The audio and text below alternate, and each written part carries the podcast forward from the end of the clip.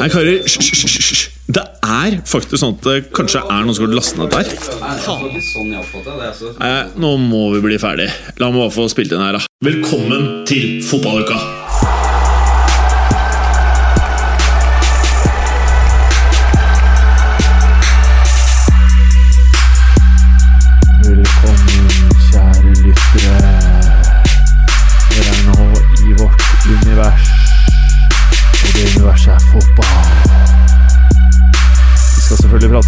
League denne uka.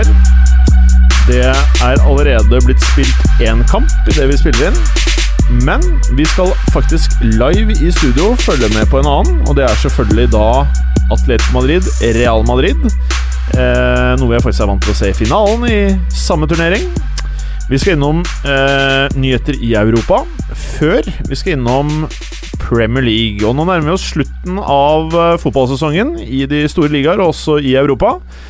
Og med det så skal du ikke se bort fra at vi prater litt om transfer news også. Og med det så ønsker jeg dere velkommen til vår galakse. Og nå kan du bevege deg inn i modus Velkommen til denne ukens episode av Fotballuka! Velkommen her, Gallosen. Du sitter her og ler i hjørnet ditt. Ja, jeg var redd du ikke skulle si 'fotballuka' et øyeblikk der, men så kom det. Ja, jeg glemte det jo forrige uke, for så vidt. Du er en master of suspense. Ja, Hva betyr suspense, egentlig? Eh, spenning. Spenning, ja. Mm, var det jeg trodde. Um, og du eh, Jeg føler at alle disse T-skjortene er ting jeg har sett tidligere ja, nå. Vi har kjent hverandre i snart to år, da. Eh, ja, mer enn det. Fordi vi kjente hverandre før vi begynte å spille inn fotballuka. Som er litt under to år siden. Eh, ja, ok. Har ikke kjent deg lenger, jeg. Nei. Da stoler jeg ikke helt på deg nå. Nei, jeg ser på deg som en ålesleip greker. Sover med ett øye åpent. Jeg Har gjort det siden sommeren 15. Fy faen, det var ubehagelig. Det var, sånne ting det er litt ubehagelig, vet du. Ja, det er litt artig, da. Ja, det er litt morsomt òg. Moro. Litt morsomt også. Eh, når jeg ser T-skjorten din med en gang, så tenker jeg at det er en karateklubb. For det er sånn sort og hvitt, og så står det 'klubb' med litt sånn dårlig skrift på slutten her. Så tenker jeg karate Don Don uh, Karate Kid-san klubb. Men det er det ikke. Dojo. Dojo. Dojo. Nei, dette er jo fotballklubben, eller for, fotball, fotballski klubb eh, Partisan Beograd. Ja. Og det ligger i Beograd. Og det ligger i Serbia. Nettopp! Ja. I Serbia, det var det jeg trodde. Blitt en vanvittig twist på um, gullinnspurten i den serbiske ligaen, faktisk. Vet du hva, det har jeg fått med meg. Ja, for høsten Fordi noen uh, retweeta det, eller? Ja. ja. Det Um, ble retweeta på en konto. Fortell, nå ble jeg nysgjerrig. En fæl, fæl konto. nei, hele høsten så snakka folk om, uh, og hele verden liksom, kunne ikke slutte å prate om uh, krisen som var på vei til å skje i Partisan. Helt akterutseilt. Hele og verden, ja. Alt mm. var Eller ingenting var på stell. Par, uh, Røde Stjerne var bare i ferd med å løpe av gårde med det. Men så har ting snudd. Nå er det i Røde Stjerne som krisen er. Og uh, sist helg så tapte de mot uh, sjokkerende mot uh, Vorstovac. Og um, Partisan kunne faktisk ta over serieledelsen. Og nå er det bare et par runder igjen. Jeg merker jeg er litt eh, Røde Stjerne-fan, jeg. Så jeg skal velge et lag der nede. Bra prøve, Det har med slutten av 80-tallet å gjøre. Å ja? Og begynnelsen av 90. Og begynnelsen av 90, vel. Ja. For da blir det et godt lag, da? Det et godt lag. Det Det er lenge siden jeg har sett de, altså, i Europa. Er det noen spillere derfra som kanskje de mer kommersielle horene kjenner bedre til? Robert Prosjinetsjki, Ja. Han har jeg brukt på et fotballspill en gang i tiden. Som Darko. Panchev, Dejan Savicevic. Og de hadde ikke betalt for rettighetene til å bruke navnet hans, han het Prosjinasjki. Ja. Så det var fint.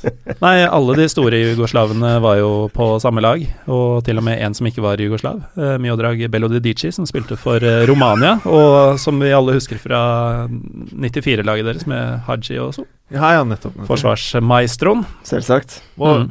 hva var det han het for noe i den prøven? Uh, han Giugicinci. Men eh, Dragan Stojkovic Ja. også, da, som kanskje er litt mer navngjetten.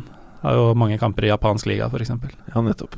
Hva het han spissen? Var det Darko Pansev? Ja, det Jeg måtte bare name-droppe, jeg òg. Ja, veldig, Mm. veldig bra, Det er egentlig bare Darko Pansev jeg husker fra Røde Stjerne. Ah, ja. Men han eh, etterlot uh, angivelig et godt inntrykk, da. Veldig. Men det var jo et av de siste laga som vant eh, det som nå er Champions League, før det ble Champions League. Det var vel i 90? Eller 91? 90? Det kan medføre riktighet. Slo Bayern München i finalen. Og på vei dit så slo de ut uh, Graham Sunes sitt uh, Glasgow Rangers. Ja. Og da de ble trukket mot hverandre, så sendte Sunes eh, assistenten sin, Walter Smith, Ja, senere meget eh, kjent uh, skotsk manager, det vet jo sikkert du, Jim, jeg vet alt om. fra Rangers-tiden. Ja. Uh, han eh, dro jo da til uh, det som da var Jugoslavia, for å se eh, laget de skulle møte i aksjon, da. Scoute dem litt. Rapporten til eh, Smith da han kom tilbake, skal visstnok ha bestått av to ord. We're fucked. og det var de jo også. Røyk på huet og ræva ut. For dere lyttere så måtte jeg nå bare justere Champions League-TV-skjermen vår, så jeg også kunne se litt mer av eh, det som skjer her. Er det noen som har fått med seg hvem som er i CL-studio i dag, eller? Eh, Nei. Det er vel klassisk Rune, Jan Åge og Syns jeg så Rune der, ja. Faktisk, når du sier det. Men jeg lurer på om han et, Jeg lurer på om jeg så Marius et eller annet fra TV2. Jeg trodde du skulle si eh, tekniker Marius. jeg, nå. Det hadde vært gøy. Det hadde vært gøy. Det hadde vært veldig gøy. Mm. Eh, folkens eh, Vi har jo sett én kamp eh, denne uka her. Og jeg eh, påsto jo forrige uke at det kom til å bli eh, mer spennende enn hva dere eh, mente det ville være. Og det ble det ikke. Og det ble det ikke for noen. Nei, ikke for noen. Ikke for noen. Er du enig i det, Preben? Nei, det, jeg syns ikke det ble spennende i det hele tatt. Uh, nå først, eh, vi er i gang med matchen nå, regner jeg med. Men uh, Nei, det, det er litt sånn Ja, vi er i gang. Ja. uh, de fleste Eller eh, velkommen til deg, Preben. Jo, takk. Du, jeg tenkte jeg skulle si før vi setter i gang her, så jeg har jeg fått ny laptop Ja, jeg, av min ja, nye arbeidsgiver. Er det en ThinkPad? ja, det kan det godt være. Men ser dere hvilket merke der? Ja, det står ThinkPad. Stå- Lenovo! Det er det, vet du! Å, Nei, fy dager. faen! Jeg tror ikke det var lov å ha med seg. Min første laptop var jo en eh, ThinkPad, men da var det IBM som lagde den. Ja. Her har det skjedd ting. Jeg trodde ThinkPad var Ja. i jeg også. Men den er jo forbausende stille. Ja, den er veldig stille. Men jeg Og har den ikke er fått litt satt inn tynn, eh, tynnere. Ja, men jeg tror nøkkelen er på en måte å få Championship Manager. En litt gammel årgang. Det må bare uploades på den maskinen her, og det gjør jo alle på jobb-PC-en sin, selvfølgelig. Alle. For å ha noe å drive med på, på arbeidet. Mm. Ja, Hva ellers kan man gjøre der? Jeg aner ikke. Men si meg Jo, du kan jo på podkast. Jo, det kan man faktisk. Det kan man det kan man gjøre samtidig som man spiller CM på jobb. Ja, da får du maks ut av det. Det er Ja. penger inn. Du får spilt, og du får med deg eh, litt kultur eh, slash eh, informasjon. Ja. Det man kan gjøre, er jo Ja. å gå inn i editoren på forhånd, gi laget ditt jævlig mye penger, og så setter du på en fotballuka transfer spesial, og så gjør du alle tinga som eh, Jim og Berger prater om. Alle disse syke tradene og sånn. Det er en kul arbeidsdag, ass. Ja, det kommer ganske moro. Ja, spørsmål om nok penger, da. da. Ja, men har den ThinkPaden din CD-rom? Det lurte jeg egentlig på. det er jo et godt spørsmål. Det ikke Det er kanskje ikke sånn Nei, det er faktisk ikke sånn at lenger. eh, jeg ser at Galåsen har litt sånn tjukkas-laptop. Det er faktisk mulig at Steam den- ikke gjør den, Den har CD-rom. For det er ganske, lenge siden jeg har sett en ny maskin med CD-rom, skjønner du. ja, men Jeg tror ikke den er så ny, men uh, jeg vet ikke om Steam har samme effekten som en CD-plate. Hva er Steam, da? Det er da man uh, nå spiller da Football Manager gjennom. Ja, det er sant. Men Um, Er det en type minidisk? Nei, det er en såkalt sky. Er det en sky, ja? Å ja. er det det der? Nei, gud vet. Ja, det er en software, i hvert fall. Nei, fader av galsen er Nå er vi langt ute på vidden her på, Men- og snakker om noe vi ikke har peiling på. Men er dere enige at det er litt diggere når ting er fysisk? Alle Ja, ja, disse ja. skyene jeg, jeg, er ikke helt komf med det, skal jeg helt Det er noe med den der CD-plata som du moser inn i den litt ødelagte CD-rommen din. Ja. Man trykker inn. Og så hører du gjerne litt sånne ulyder. Ja, ja. Og så er du happy når du først ser at det kommer farger. For da skjønner du at ok, jeg fikk det til denne gangen òg. Ja. Jeg har jo fått et litt uh, ufortjent, uh, føler jeg selv, hipsterstempel gjennom denne podkasten. Hvordan er det ufortjent? Nei, jeg, bare fordi jeg bor på Grünerløkka og Går med sånne karate-T-skjorter som tilfeldigvis er T-skjorter og- fotballklubber. Kan alt om jugoslavisk fotball på 80- og 90-tallet. Og før sending sier at jeg helst ikke vil se Atletico Madrid, Real Madrid.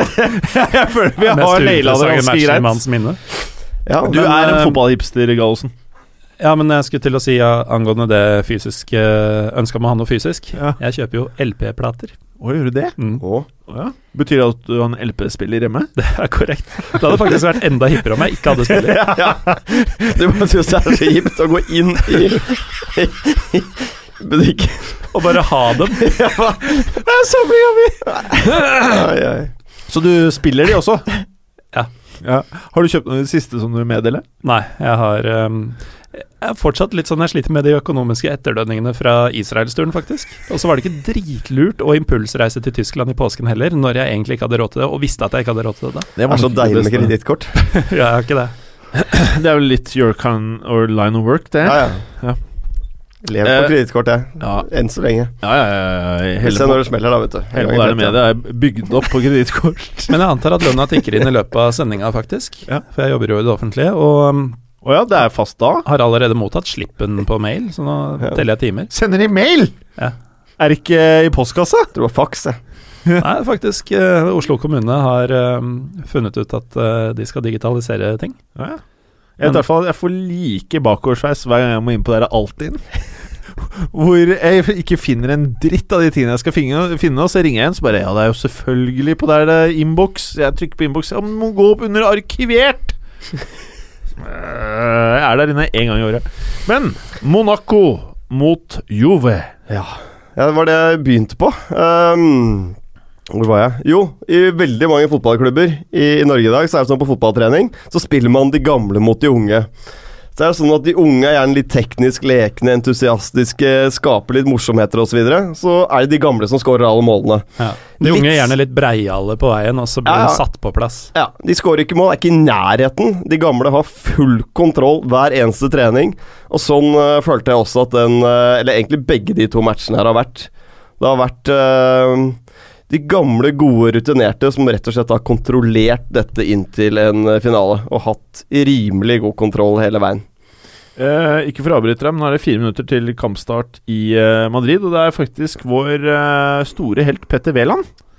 Så nå tipper jeg Mats Berger sitter med Fullt dirigert Ja. på lesesalen. Ja da. Nei, det, det kan Berger har eksamen denne uka, til dere lyttere som lurer på hvor den crispy, eh, avbrytende Litt sånn fraværende eh, stemmen er. Men tilbake til Juventus Monaco.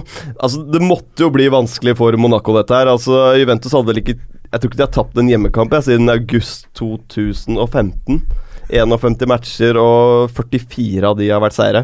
Så det er eh, ligge under 0-2 fra første oppgjør da, det er eh, veldig, veldig vanskelig. Og så, så kommer jo Monaco ut med en litt overraskende lagoppstilling. eh, Ja, jeg lurer Her. på om uh, Jardim eh, rett og slett hadde innsett håpløsheten i dette. At uh, Det er den statistikken som du snakker om, men det er også den enorme forskjellen som kom til syne i uh, motsatt oppgjør. Han har fortsatt ikke eh, teoretisk naila ligaen ennå. Og satte opp et lag som hadde Fabinho, LeMar og i utgangspunktet var også Mendy eh, tiltenkt en benkeplass. De har eh, vært litt sånn inn og ut av sykestua i det siste, eh, flere av disse. Men eh, det var noe med signalet der som tyder på at eh, her er vi ute. Vi Mm. veit det. Vi kommer til å prøve med de som er, men vi skal ikke ofre noe i kampen mot PSG hjemme. Det Kan være et godt poeng. Det kan godt hende at de, de, altså, som du sier, det blir vanskelig å vinne dette her uansett. Og den ligatittelen i Frankrike da, den henger høyt for Monaco Og så umulig det var for dem før sesongen begynte å i det hele tatt tenke ligagull. Mm. Men det, det er jo det Juventus-laget vi ser, da, det er så perfekt bygget opp. Uh, så en eller annen tweet, eh, jeg husker ikke hvem det var, jeg tror det var en eller annen uh, fotballside. Som bare Du har tre italienske stoppere, du har to brasilianske wingbacker, du har to argentinske på topp. Du har en tysker sentralt som jobber og er disiplinert. Altså Er det mer perfekt lagbygging enn det Juventus driver med om dagen? Altså Det er et uh, Det er ikke alltid så mange minutter på han tyskeren, da, men uh, ja. Nei, han måtte jo tidlig ut nå, men altså Hvis du ser på det laget, da, så er det jo ikke elleve av verdens aller beste fotballspillere, men det er jo helt perfekt altså sammensatt. Og selvfølgelig, det er jo topp europeisk klasse hele gjengen, men Kanskje ikke eh, Litt motsetningen av et uh, lag i England som Gallosen har sympatier for. Eh, Bournemouth? Ja, men det er jo ikke alle lag Kedira hadde starta for, f.eks. Pjanic hadde ikke startet for alle lag. Kvadrado har jo startet de aller fleste kampene. Det var litt offer for litt taktikkeri her, men det er jo spillere som eh, ikke Og Manzukic hadde neppe spilt alt i alle de andre toppklubbene. Så er sammensetningen godt, eh, er genial. Men den uh, oppramsinga av nasjonaliteter på de forskjellige posisjonene, det er jo Juventus er jo en vandrende klisjé når du sier det på den måten. Ja, ja, det er det. Det er alle fordommene mot uh, fotballnasjonene i et jafs. Og det funker. Det gjør det. Noe så inn i helvete. Det er vel best i verden, eller? For tida?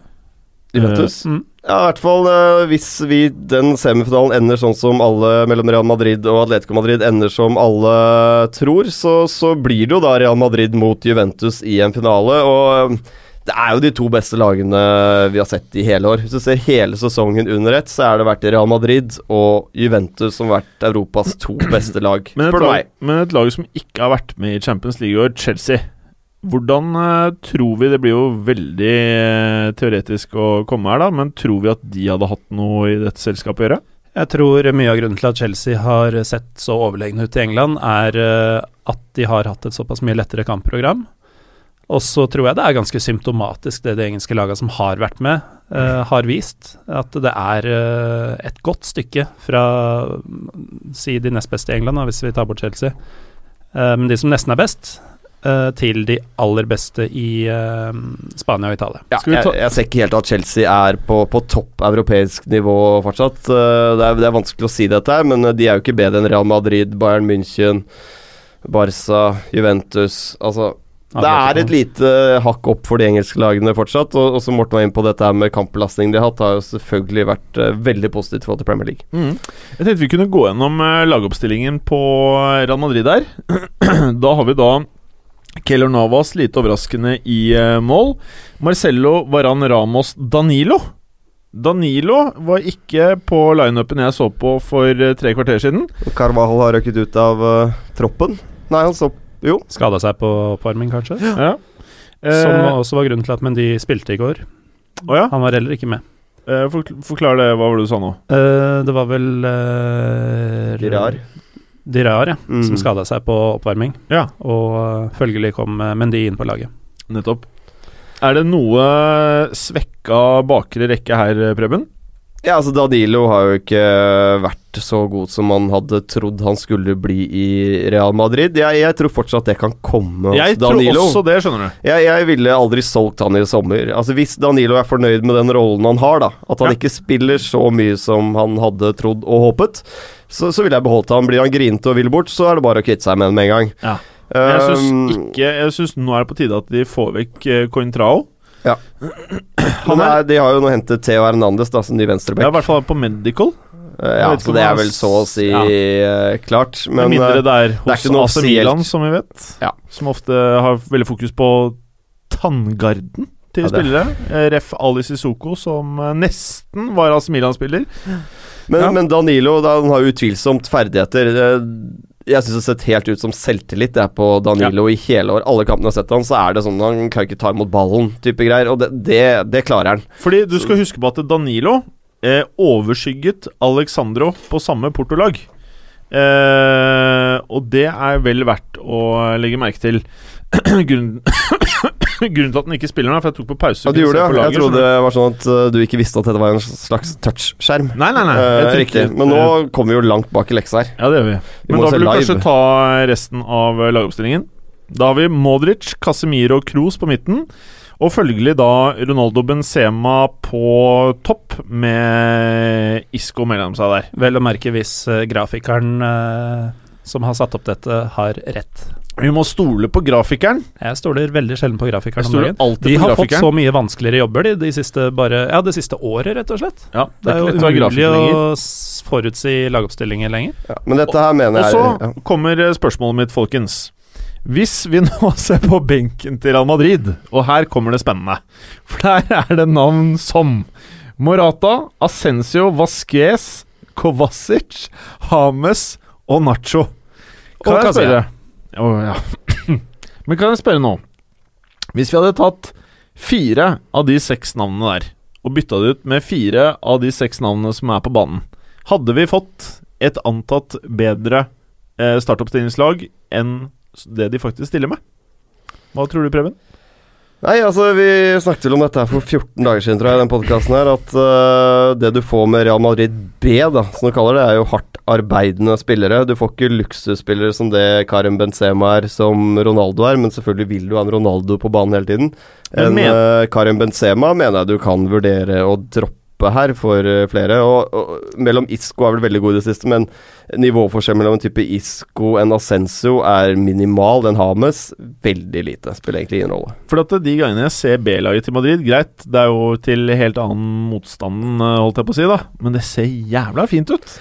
Det gjør det, og det har vært mye sånn, sånn eh, snakk om at uh, Morata skårer så jævlig mye mer mål enn Benzema i antall minutter. Men det er fordi Karim Benzema spiller mot Juventus, Barcelona og disse lagene her. Uh, Morata spiller mot uh, Sporting og Granada og Ledet av Tony Adams.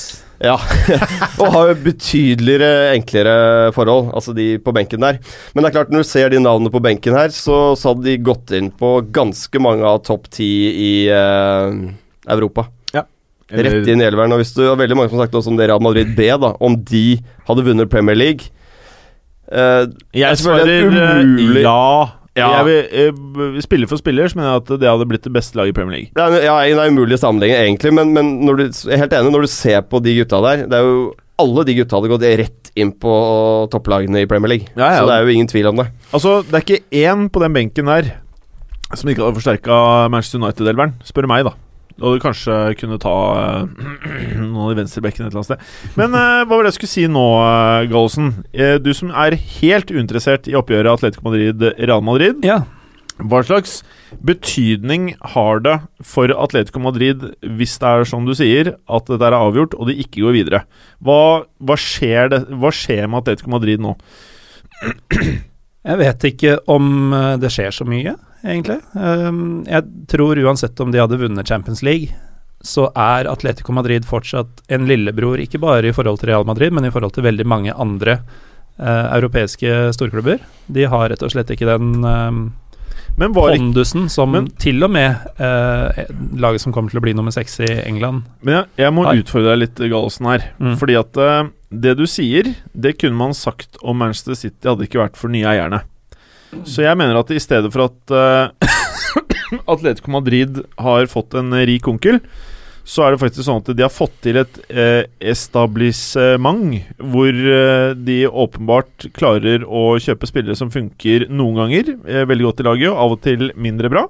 Og de presterer dødsbra. Det er et vanskelig lag å bryte ned. De er en, eh, en av verdens beste trenere. Er det faktisk sånn at eh, det bare er mentalt hos fotballsupportere at man begynner å se på dem som en lillebror? Um, De vil alltid være mindre enn Madrid, Real Madrid mest sannsynlig, men er det riktig at vi ser på dem som en så stor underdog som vi veldig ofte omtaler dem som? Så lenge de til enhver tid eh, ser ut til å eh, i anførselstegn måtte selge de beste spillerne til eh, de mer pengesterke, hvis vi ikke skal kalle det større klubbene. Sånn, det er ganske opplest å vite at, eh, at altså, folk vil bli overraska om Grismann blir. Eh, de aller fleste blir det Jeg blir ikke det. i sommer. Nei, eh, det var derfor jeg korrigerte meg litt, for jeg husker du sa det i forrige uke. Um, og de har eh, hele tiden solgt unna De solgte Arda, ikke sant. De har solgt flere av de beste, og så har de erstatta det med mindre kjente spillere. Scouta veldig bra. Fått til gode dealer både når de har kjøpt og solgt, og kommet i styrke etter det. Litt sånn som Juventus har bygget lag, egentlig. Um, og det er ikke den måten de aller største gjør det på. Og derfor så vil de, altså uavhengig av om man er subjektiv eller objektiv, ha et sånt uh, mindre type klubbstempel enn uh, en de største. Nå skjer det noe her. Det skjer ingenting. Nei, men samtidig så var vel før denne Champions League-sesongen her, da Er det så, Carasco som eh, roper på straffe, eller? Nei. Nei, men Før den sesongen her så, så tror jeg de aller fleste som tipper fotball, hadde tippet at Atletico Madrid ville være en semifinale. Ja. Kanskje med de to andre spanske og Bayern München. Eh, Juventus var det ikke så mange som hadde som en klar gullkandidat. Da. De har en out, mer en outsider-posisjon, egentlig. Så, så, så lenge aller fleste tror at de er et Champions League-semifinalelag, da, så er det jo i ypperste europaklasse. Da er det jo ikke en underdog lenger. Nei. Og så et annet punkt som jeg er litt uenig med deg, Gallosen. Det er jo at uh, det er jo ikke helt korrekt det du sier, i den forstand at de har brukt enorme penger i overgangsmarkedene som har vært. Og de har bl.a. i perioden før den siste inflasjonen i fotballverdenen kom, så har de brukt ekstreme summer på spisser, da. Eh, Deriblant Falcao, som varte en sesong. Deriblant eh, Jackson Martinez. Men i hvert fall Falcao ble vel solgt med profitt. Jeg lurer på om ikke Haxon ble det også. Antagelig. Mm. Men eh, det er jo andre klubber som også selger med profitt. Men poenget mitt er bare at de har også spending power. De har penger, eh, og de har alt på plass til å regne som en av de absolutt store. Men eh, de gjør det ikke på den måten som de absolutt største gjør. Og da blir det litt sånn at jo, sportslig er de helt på nivå. Derfor sier jeg også at eh, jeg tror ikke det har så mye å si om de ryker i semifinalen, eller når de nå ryker i semifinalen, eller om de hadde vunnet Champions League, for jeg tror ikke de hadde endra noe særlig på måten de gjør ting på, Nei. om de så skulle ta hegemoniet. Forskjellen er vel kanskje at eh, jeg ser vel kanskje ikke det poenget som jeg ser fra det du sier, at jeg ser ikke for meg Atletico Madrid hente type Pogbar fra et stort lag til altfor mye penger over inn til Atletico Madrid, men jeg ser for meg at de kommer til å fortsette å hente Agueroer, Falcaoer fra antatt litt mindre klubber for ekstreme summer. Jeg er enig, samtidig som de kommer til å fortsette det gode arbeidet de gjør med å få frem egne gode Mm. spillere som slår gjennom. Så den komboen der med å få frem egne, samtidig spe på med én til to stjerner eh, i, i sesongen. Og det er sjelden de bommer når de først eh, bruker mye penger på stjerner. Eh, Jackson Martinez eh, Sjelden. Gameiro Jeg vet ikke. Men uh, hva er det, er det eh, um, Kan man trekke noen paralleller mellom Atletico Madrid og Porto? Eh, deres måte å tenke på. Selvfølgelig så er Porto enda mer at de henter fra Latin-Amerika, men er det visse likheter i måten de to klubbene opererer på? Det er jo det. Altså det er god scouting, som vi var inne på, og kjøpe, hovedsakelig i hvert fall, for eh, i Portos tilfelle mye mindre enn de selger for. I Atletico Madrids tilfelle en del mindre enn de selger for. Ja. Og holder nivået omtrent eh, Nå er Porto nede i en bølgedal, riktignok, men stort sett så har de vært like gode hele veien i moderne tid. Ja, og Begge klubber er jo den posisjonen at de kan holde på spillere Altså De må møte utkjøpsklausulen da for at de skal selge, sånn som det er med Grismann. Og så må de opp i snaue 100. milliarden, vel. Eh, for, og, for at de skal selge. Og det, sånn holder de portugisiske klubbene på, på også. Så nei, de er dyktige. på Og eh, er det noe vi ønsker å ta med fra kampen så langt her? Jeg så eh, Nå har vel Atletico Madrid eh, straffe her, ser jeg. Nei. Ser mer ut som Nei, en eh, corner. corner, mener jeg. Det er sånn å si det samme. Så er Og den holdes. Keller Navas-mat. Er det noe mer vi ønsker å si om Champions League? Vi følger jo selvfølgelig kampen gjennom sendinga her. Nei, egentlig ikke. Det, det gikk som det måtte gå i Torino. Som det kommer til å gjøre her. Vi får Ja. se. Vi får se. Um, Europanews, Gallosen. Mm. Hva har du å diske opp fra Bundesliga i denne runden? Vi må jo starte med rundens toppkamp, som var eh, Borussia Dortmund mot eh, et av mange overraskelseslag eh, i Bundesliga denne sesongen, Hoffenheim. Ledet av den meget unge Julian Nagelsmann. Ja. Han er født etter alle oss, for å si det pent. Han har ikke runda 30-eren, det. Jeg tror faktisk ikke han har fylt 30 ennå, nei. Det er ganske sykt. Det er sykt. Eh, Hoffenheim gikk jo langt, langt ut i, eh, i, til vinteren uten å tape ligakamper. Eh, gikk på sitt fjerde tap nå, så de har jo eh, hatt en noe svakere mm, eh, rykkrunde, som det heter. Altså mm, etter eh, vinterferien enn høstsesong. Men de eh, ligger fortsatt på fjerdeplass og har imponert voldsomt. De er i praksis klar for Um, Champions League-kvalik. Uh, denne kampen var jo rett og slett kampen om tredjeplassen, som er den siste direkteplassen plassen til gruppespillet, og den uh, gikk Dortmund seirende ut av med 2-1. I en jevnspilt kamp hvor Dortmund tar en tidlig ledelse ved Marco Royce, som var i hvert fall halvannen meter offside Ja. da han spratt gjennom etter fire minutter, men Det er litt gøy med disse offsidene jeg av og til. jeg liker det. Ja. Og i dette tilfellet så så man definitivt Han må ha sett at han var eh, på feil side, men jeg tror ikke han så at eh, Castro var borti ballen da den gikk videre. Og i trekket før så var han ikke offside. Kan jeg spørre om en ting? Eh, hva hadde skjedd hvis nå bare eh, man bestemte seg for å fjerne offside-regelen? Hva hadde skjedd med moderne fotball da? Det hadde blitt fisking. Hva ble, Van Basten har vel foreslått det, har han ikke det? jeg tror det. Lurer på det. Det er flere Um, som har sagt det, skjønner du. Så i, Jeg tror man kunne vente seg til det. ja. jeg, trodde, jeg, jeg, jeg tror det hadde blitt jævla gøy, jeg. Tror fort det kunne blitt mye mer underholdende. Det hadde vært ekstremt vanskelig å ligge og ja, forsvare seg og holde nullen, rett og slett. Og så tror jeg det kunne gjort litt omveltninger. Altså lag som øh, kanskje har mindre penger, kunne spekulert i mye mer drastiske måter å spille fotball på. og kanskje generert øh, vesentlig flere muligheter som et resultat av det. Det kunne vært en morsom tanke. Det hadde vært veldig gøy. Det hadde vært jævlig gøy. Om bare Jeg håper det skjer, jeg. ja, jeg, ja, ja, ja, jeg håper det skjer. Ikke tradisjonssporten, da. Hva tenker du, Gallosen? Du er litt mer Nei takk. Å, Mm. hvorfor det? Nei, jeg er, uh, som uh, Preben nevnte, uh, for tradisjonssporten. Ja, hva skjer i kampen? ledelsen. Ja, det var det jeg sa. Atletico Madrid 1-0. Trøstemål.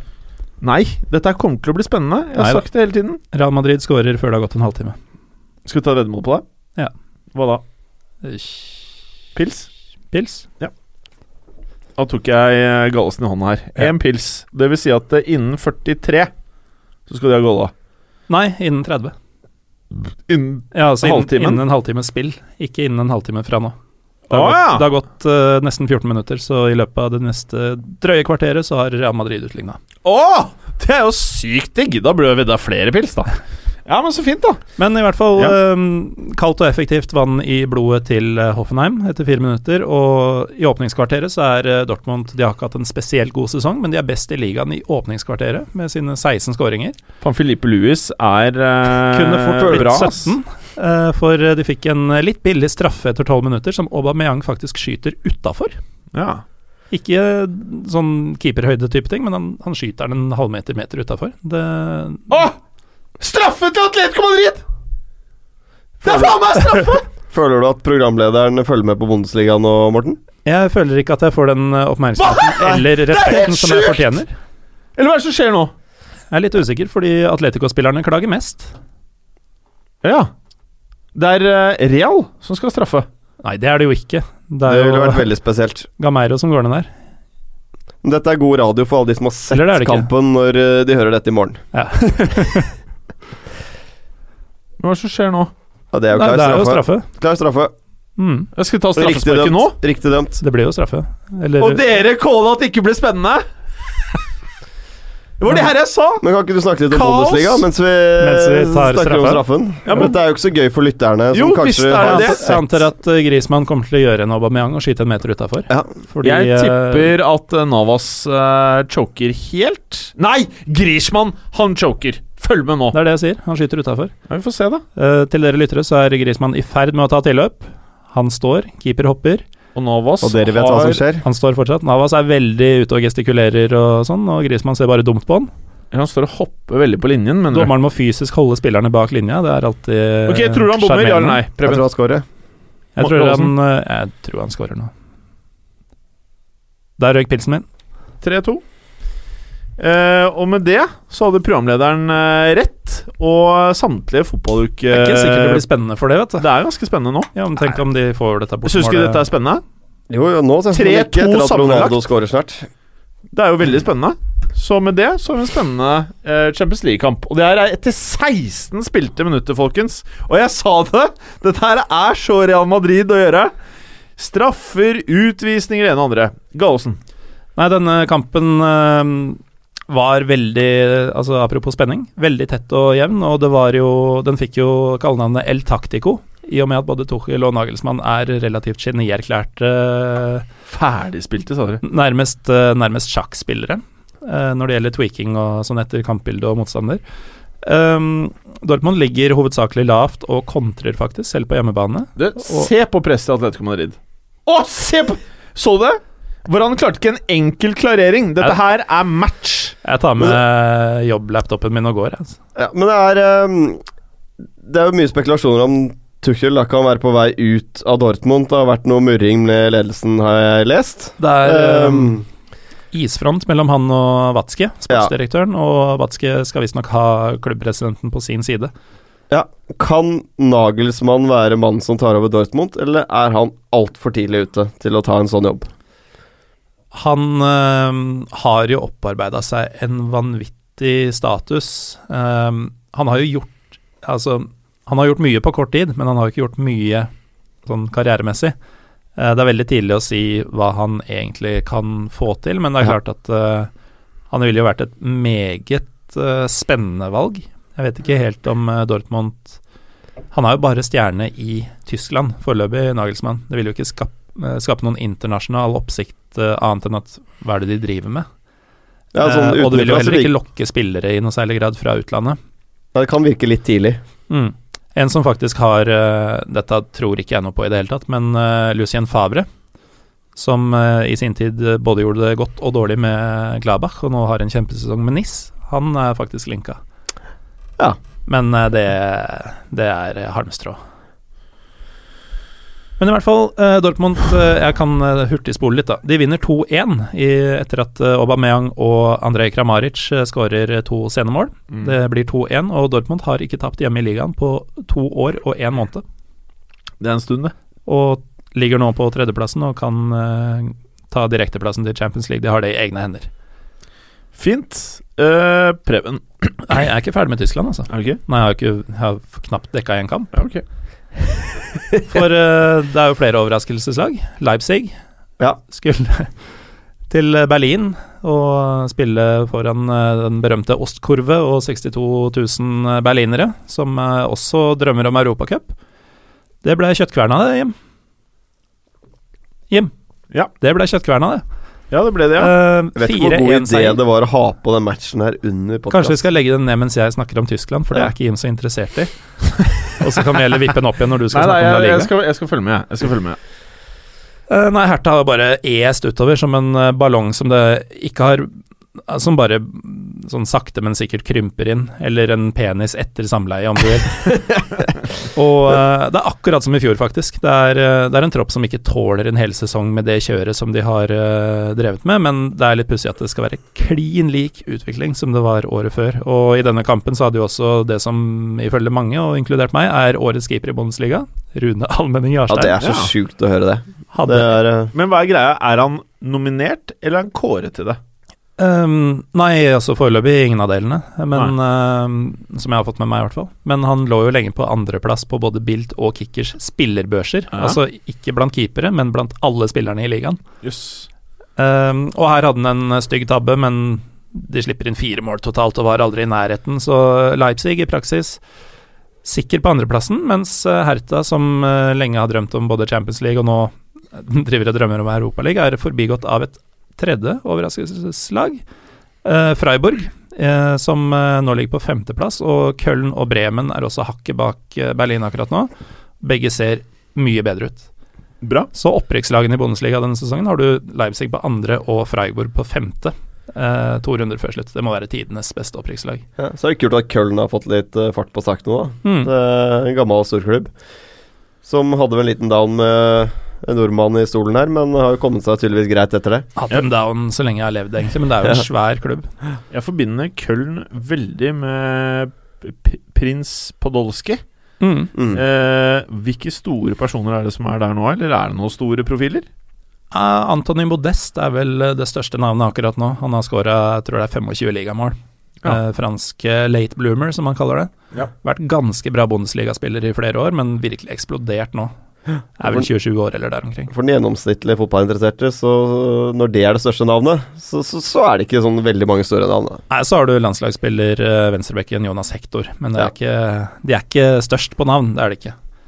Så skjer det voldsomt i bunnen, da. Jaha. Eh, og, og Der er det nå to runder igjen, og tre poeng skiller kvalik fra en pen tolvteplass. Og det er kun Wolfsburg av bondelagene som vant i helga. De vant, tok en sterk 2-0 i Frankfurt. Mario Gomez med et mål. Ja. Eh, lagene involvert nå er Leverkosen, Augsburg, Wolfsburg, Mainz og Hamburg, som alle kjemper for å unngå eh, kvalikplassen. Tre poeng skiller disse lagene. Men Hamburg skal vel møte Union Berlin, skal det ikke det? I kvaliken. Nei, nå blir det ikke playoff på Union. Har det røkket for det? Ja, eller teoretisk sett så kan det gå, men da skal alt klaffe og alt Ja. gå til helvete for Ja. i hvert fall ett av lagene foran. Men Ingolstadt er fire poeng bak eh, Hamburg. De rykker trolig ned nå på lørdag, da, da de skal til eh, Freiburg, som jakter Europaligaen. Uh, og det er tøffe kamper for samtlige involverte. Mainz har den letteste med hjemmekamp mot et Frankfurt i ingenmannsland. Feteskampene kampen i helga blir jo Leipzig-Bayern, på sett og vis, men Ja. begge har befesta sin plass på tabellen, så jeg ville heller valgt å åpne playeren og sett på en av bunnkampene. hmm. Ja. Det er ikke sånn at uh, ditt hjerte har varmet for uh, Red Bull? Overhodet ikke. Har, Men har fikk- hatet økt, eller Ok, hvis du måtte si det ene eller det andre.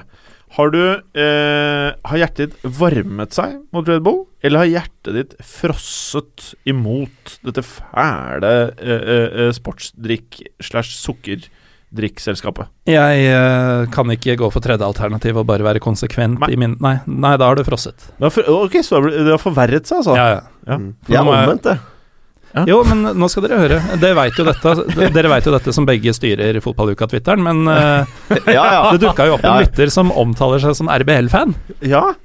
Og Frode Lia fra Josimar har jo tidligere også tvitra om at han liker uh, Leipzig-prosjektet. Han har også Red Bull-prosjektet? Vært frekk nok til å nevne det foran meg face to face. Oi. Så eh, ryktene går om at eh, når denne lytteren en gang er i Oslo, så vil han bli invitert til en annen podkast som spilles inn her. Og da skal også Frode Lia inviteres. Er det med gule skriften? Og så skal programlederen for uh, podkasten med den gule skrifta debattere mot to som er vennlige mot Leipzig. Ja, da tror jeg resten av fotballuka-panelet veldig gjerne kunne tenke seg å være til stede og observere litt. Men jeg er der at jeg har begynt å bli vant til de. Altså, De er et topplag, eh, selv om det bare er én sesong nå. Så begynner man Ok, de er der. Mm. Og da, etter hvert, så tenker jeg det går over på flere og Altså, det derre hatet med Red Bull og Men jeg må bare igjen det. da poengtere Mm. eh, Jeg begynte å google veldig mye etter jeg så Red Bull-dokumentaren som ligger på NRK TV. Eh, det, altså, det selskapet her er altså så fælt at eh, jeg tror, etter man har sett det greiene der og, og satt seg litt inn i hvordan Red Bull holder på, at det er, det er nesten umulig å, å, å like det greiene der. Nå skal jo også um, Mateschitz, er det vel han heter, han um, um, presidenten til Red Bull, skal starte et nytt mediekonglomerat oh ja. som har fridd til uh, meget ytterliggående høyresidekrefter i Østerrike og Tyskland. Å faen. Og blir omtalt som et slags um, Sentral-Europas svar på Breitbart. Som for de som ikke kjenner til det, er Donald Trumps uh, favorittnyhetskilde.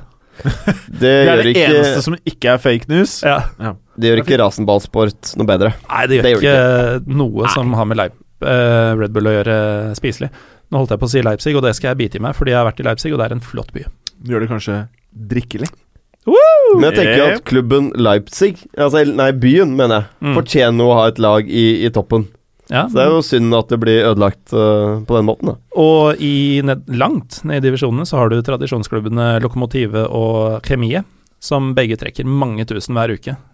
Så det er eh, ekte fotballkultur i Leipzig, men den blir jo selvfølgelig overskygga av denne reklamejippoen som eh, Red Bull har kjøpt seg. Det er ikke noen særlig fotballhipster, de der greiene du nevner her. ok, ok, ok. De spiller flott fotball, da. Det er veldig bra, Gallosen. Jeg vil faktisk, på tross av at jeg egentlig mener at vi bare burde legge ned hele fotballuka og bare kommentere Real Madrid Nei, Atletico Madrid Real Madrid resten av sendingen, så skjønner jeg at vi må gjennom et program her. Eh, Preben? La Liga. Altså Det er jo så Det er så sykt mye spennende som skjer nå. Nå er det jo stort sett halvannen uke da igjen av uh, de store ligaene. Og Ja, Spania er jo ingenting avgjort. Er dette her eh, på mange måter den feteste delen av sesongen? Ja. Eh, eh, Syns du også det, Ja, Gallosen? ja, lett. I hvert fall når det er spenning i toppen. Altså Premier League nå litt kjedelig, bortsett fra øh, selvfølgelig Det er jo kampen om øh, Champions League-plasser og eh, nedrykk Swansea Hull som kjemper der, men sånn som det er i, uh, i La Liga nå Altså, det er, øh, det er mye som kan skje, altså. Ja. Det er det. Og begge altså, topplagene, for å begynne med de, da, så møtte jo Barca Real hjemme nå i helgen. og Villarreal, øh, å møte de hjemme er faktisk ikke så innmari lett. De, før denne kampen så hadde de kun sluppet inn 10 mål på 17 bortekamper i La Liga. Nå fikk de fire i sekken av øh, Barca, og det er relativt øh, solid. Eh, to nye mål av Messi, så han er oppe i 35 mål nå på to, nei, 32 ligamatcher. Siste var en uh, snerten Panenka på, på straffe. Messi er oppe i 53 mål på mm, eh, 52 kamper totalt i år. Så det er uh, Nok en møkkasesong.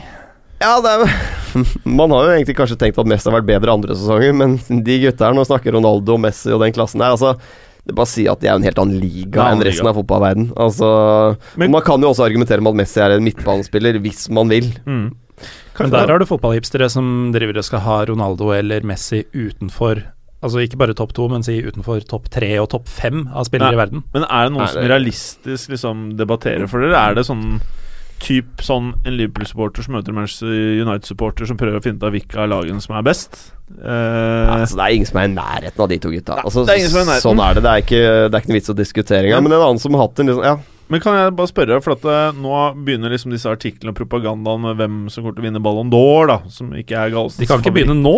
Det har begynt. Det har begynt. Fy faen. etter det er faen meg åtte måneder til. Eller? Jeg er syv, i hvert fall. Spesielt åtte mål på fem kamper for Ronaldo var Nei, på tre kamper var eh, eh, sikkert hoveddriveren bak dette her. Eh, og eh, er det sånn at hvis Real Madrid da vinner Champions League nå, og de vinner eh, La Liga, mener dere at Ronaldo er mer eh, verdig da enn Ballon d'Or-pris, selv om han har skåret færre mål og kanskje hatt en eh, mer mediokre sesong kontra hva han har gjort tidligere? Kontra Messi, f.eks.? For, For meg er dette Se bort fra Messi og Ronaldo her, men for meg jeg har lyst til at Ballon d'Or skal være den fotballspilleren i verden som er best. Altså Uavhengig om du har vunnet ditten og datten. Og så skjønner jeg at det påvirker de som skal stemme dette her. Men jeg mener at det skal være en kåring. Han kunne godt spilt på Watford for min del. Mm. Og fått uh, vunnet Ballon d'Or da og kom på tiendeplass i Premier League.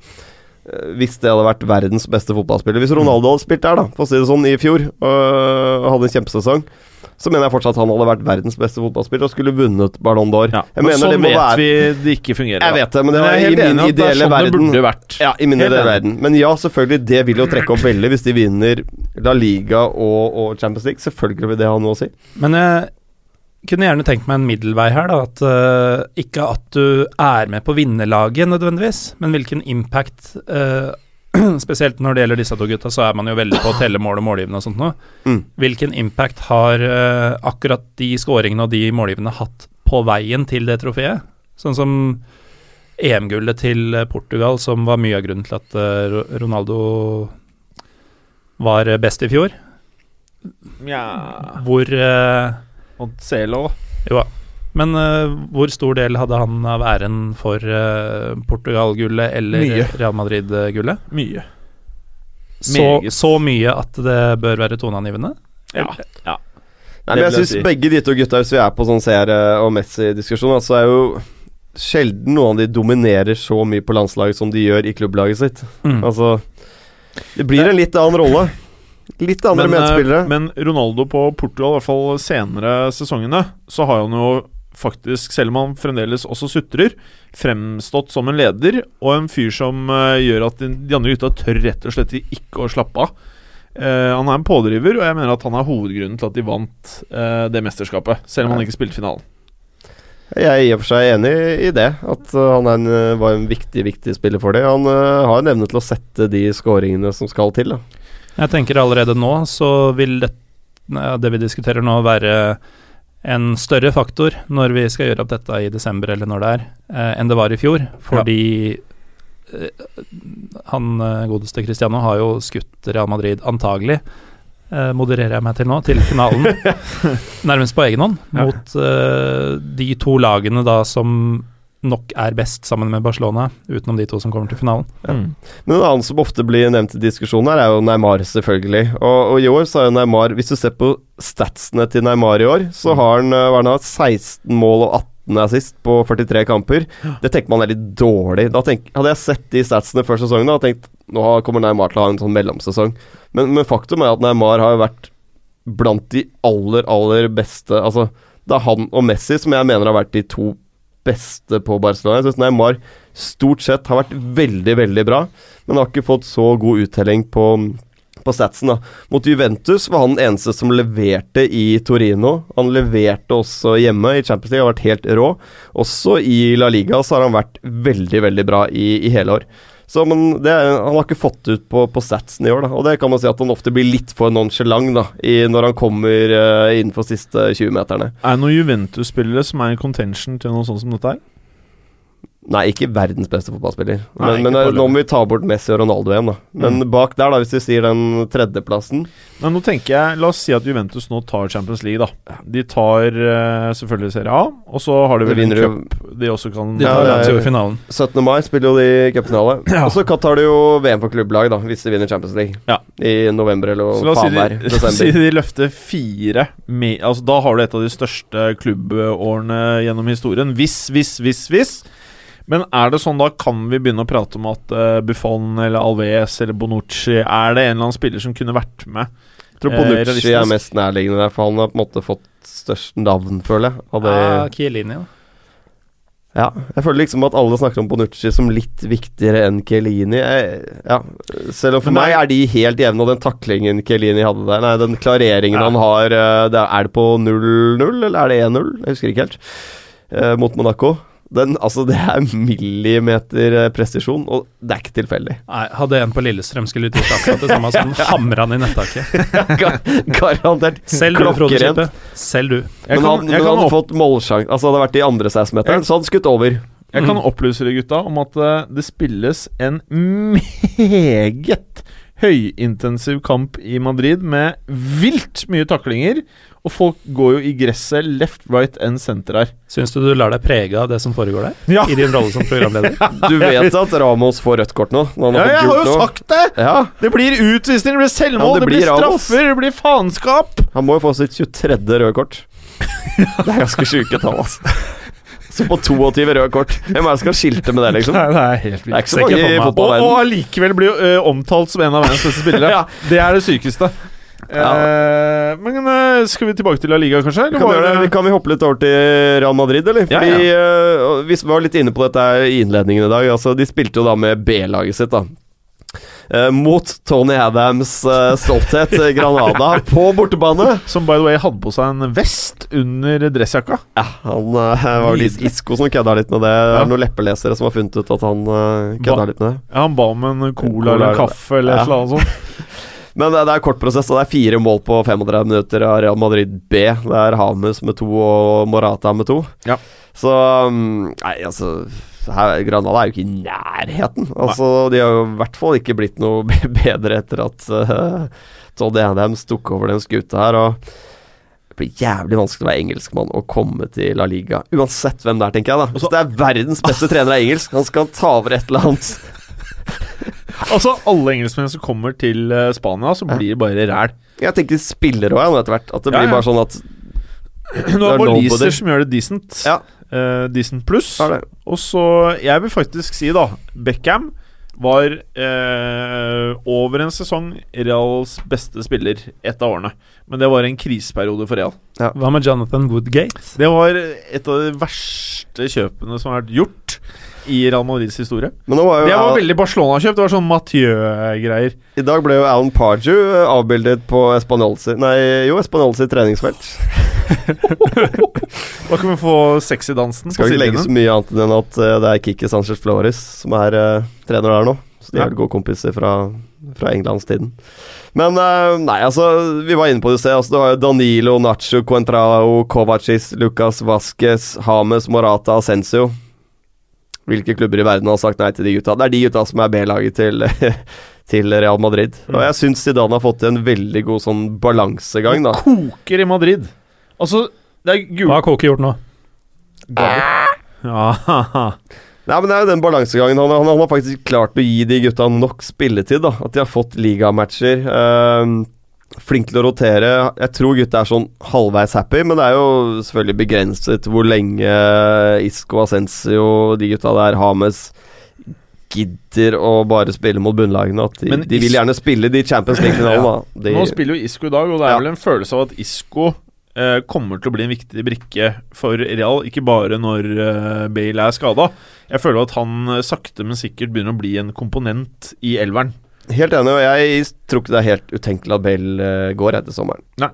At uh, det står en eh, pengesterk klubb i Manchester og blar opp de halvannen milliarden eller to. Jeg tror ikke det bryr United noen ting hva han koster, hvis de kan få den. Og det verste er at for Real så tror jeg ikke det er et dumt salg. Det spiller ingen rolle. Det er litt sånn som Arjen Robben-salget. Mye skadehistorikk. Men med Robben så fikk de ikke spesielt mye penger. Det var et uh, veldig godt kjøp av Bayern München. Og en uh, fin måte for Real å skape en åpning på laget, da. Ja, jeg må bare fortsette litt med Tony Adams. For jeg glemte å si at Det er jo fem strake tap nå. Det er 1-13 i målforskjell. Det er, eh, det er ikke noe umiddelbar forbedring Granada har gjort. Du, nå, kan jeg, kan jeg gi deg et, en liten utfordring? Til, til neste episode av Fotballuka Ja. klarer du å sammenligne statsen hans mot Nevils Det skal jeg gjøre. på samme antall kamper. La meg notere. Fordi Neville, så vidt jeg husker, det var faktisk bare sorgen. Men jeg kan ta det litt i hodet. Jeg tror det er sånn 18 matcher Neville fikk. Ja, var det så mye? Jeg tror det. Jeg Ja. tror vi snakker tre eller fire seire. Men dette har jeg ikke sjekket opp. Dette er bare fra hva jeg husker. lang tid. Men uh, Siden han fikk noe eh, poeng. ja da. Det var, eh, det Til- var ikke jævla, jævla bra. Men eh, nei da, det står ikke så bra til. Og han eh, David Moyes var jo innom Sociedad en liten periode. De har jo tatt skritt fremover etter at han, eh, Han er forsvant. skotte, da. Han har skottet. Ja. Ja. ja da. Nei da. Så Så, samme greia, liksom. Ja, Briter hele gjengen. Enn så lenge.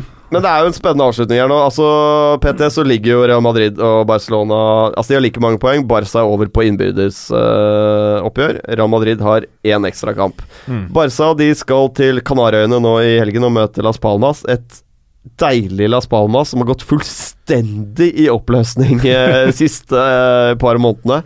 Det er det helt krise. Aner ikke. Altså, de ser helt jævlig ut. Altså, Sunderland-ish, eller? De er uh, på Osasuna-nivå, sånn som eh, Las Palmas eh, fremstår nå.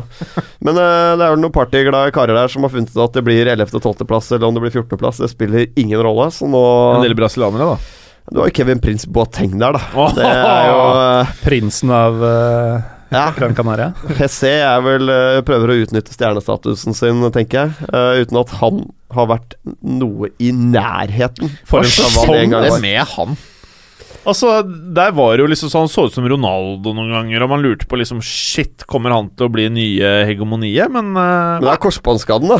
Etter det så har han jo ikke vært uh, i nærheten av der han var, rett og slett. Så, men uh, det, det blir tre poeng for eh, Barca, og så skal de avslutte hjemme mot Eibar. Står det om ligagullet, så er jeg ganske sikker på at uh, Barca tar full pott der også.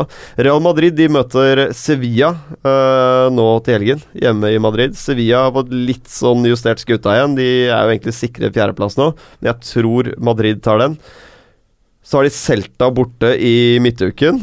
Uh, Celta har hatt en fæl, fæl, fæl periode nå. De har seks tap på siste syv, og møter også Manchester United nå uh, Er vel i morgen, ikke det? Som vi spiller på onsdag. det er korrekt. Ja, På torsdag. ja, men uh, Det er normalt uh, vanskelig å spille borte mot Celta, men jeg tror også Madrid tar den. Jeg tror faktisk det verste hinderet for Real Madrid blir Malaga borte i uh, siste seierrunde. Og det er Malaga har seks seire på siste syv. De har kommet seg veldig, og det kan bli en liten nøtt, altså. Så, og Barca, nei, Malaga slo bl.a. Barca 2-0 hjemme for en måned siden. kan vi ta med corneren til eh, Real her? Eh, er det Kroos som tar den, folkens? Det er stort sett Det er alltid Kroos. Og Rett i klypa på Oblak. rett i Oblak. Men Madrid har dette i egne hender. De trenger uh, Altså, de klarer seg med én uavgjort, da. Et par seire og én uavgjort, så, så er de ligamestere. Men de må poenget foran Barcelona, grunnet uh, innbyrdesoppgjør som det er i La Liga, da. Mm. Mm. Mm. Men uh, alt tyder på Madrid. Det er, det er de som må drite seg ut, rett og slett. Fint. Uh, Galesen, over til uh, Vi prata jo så vidt det var om det når vi pratet om uh, Champions League. Ligue Ø. Uh, vil du si at dette her er en av de mest spennende Åh, Sjanse til Real! Ja! Også, Ja! Ja!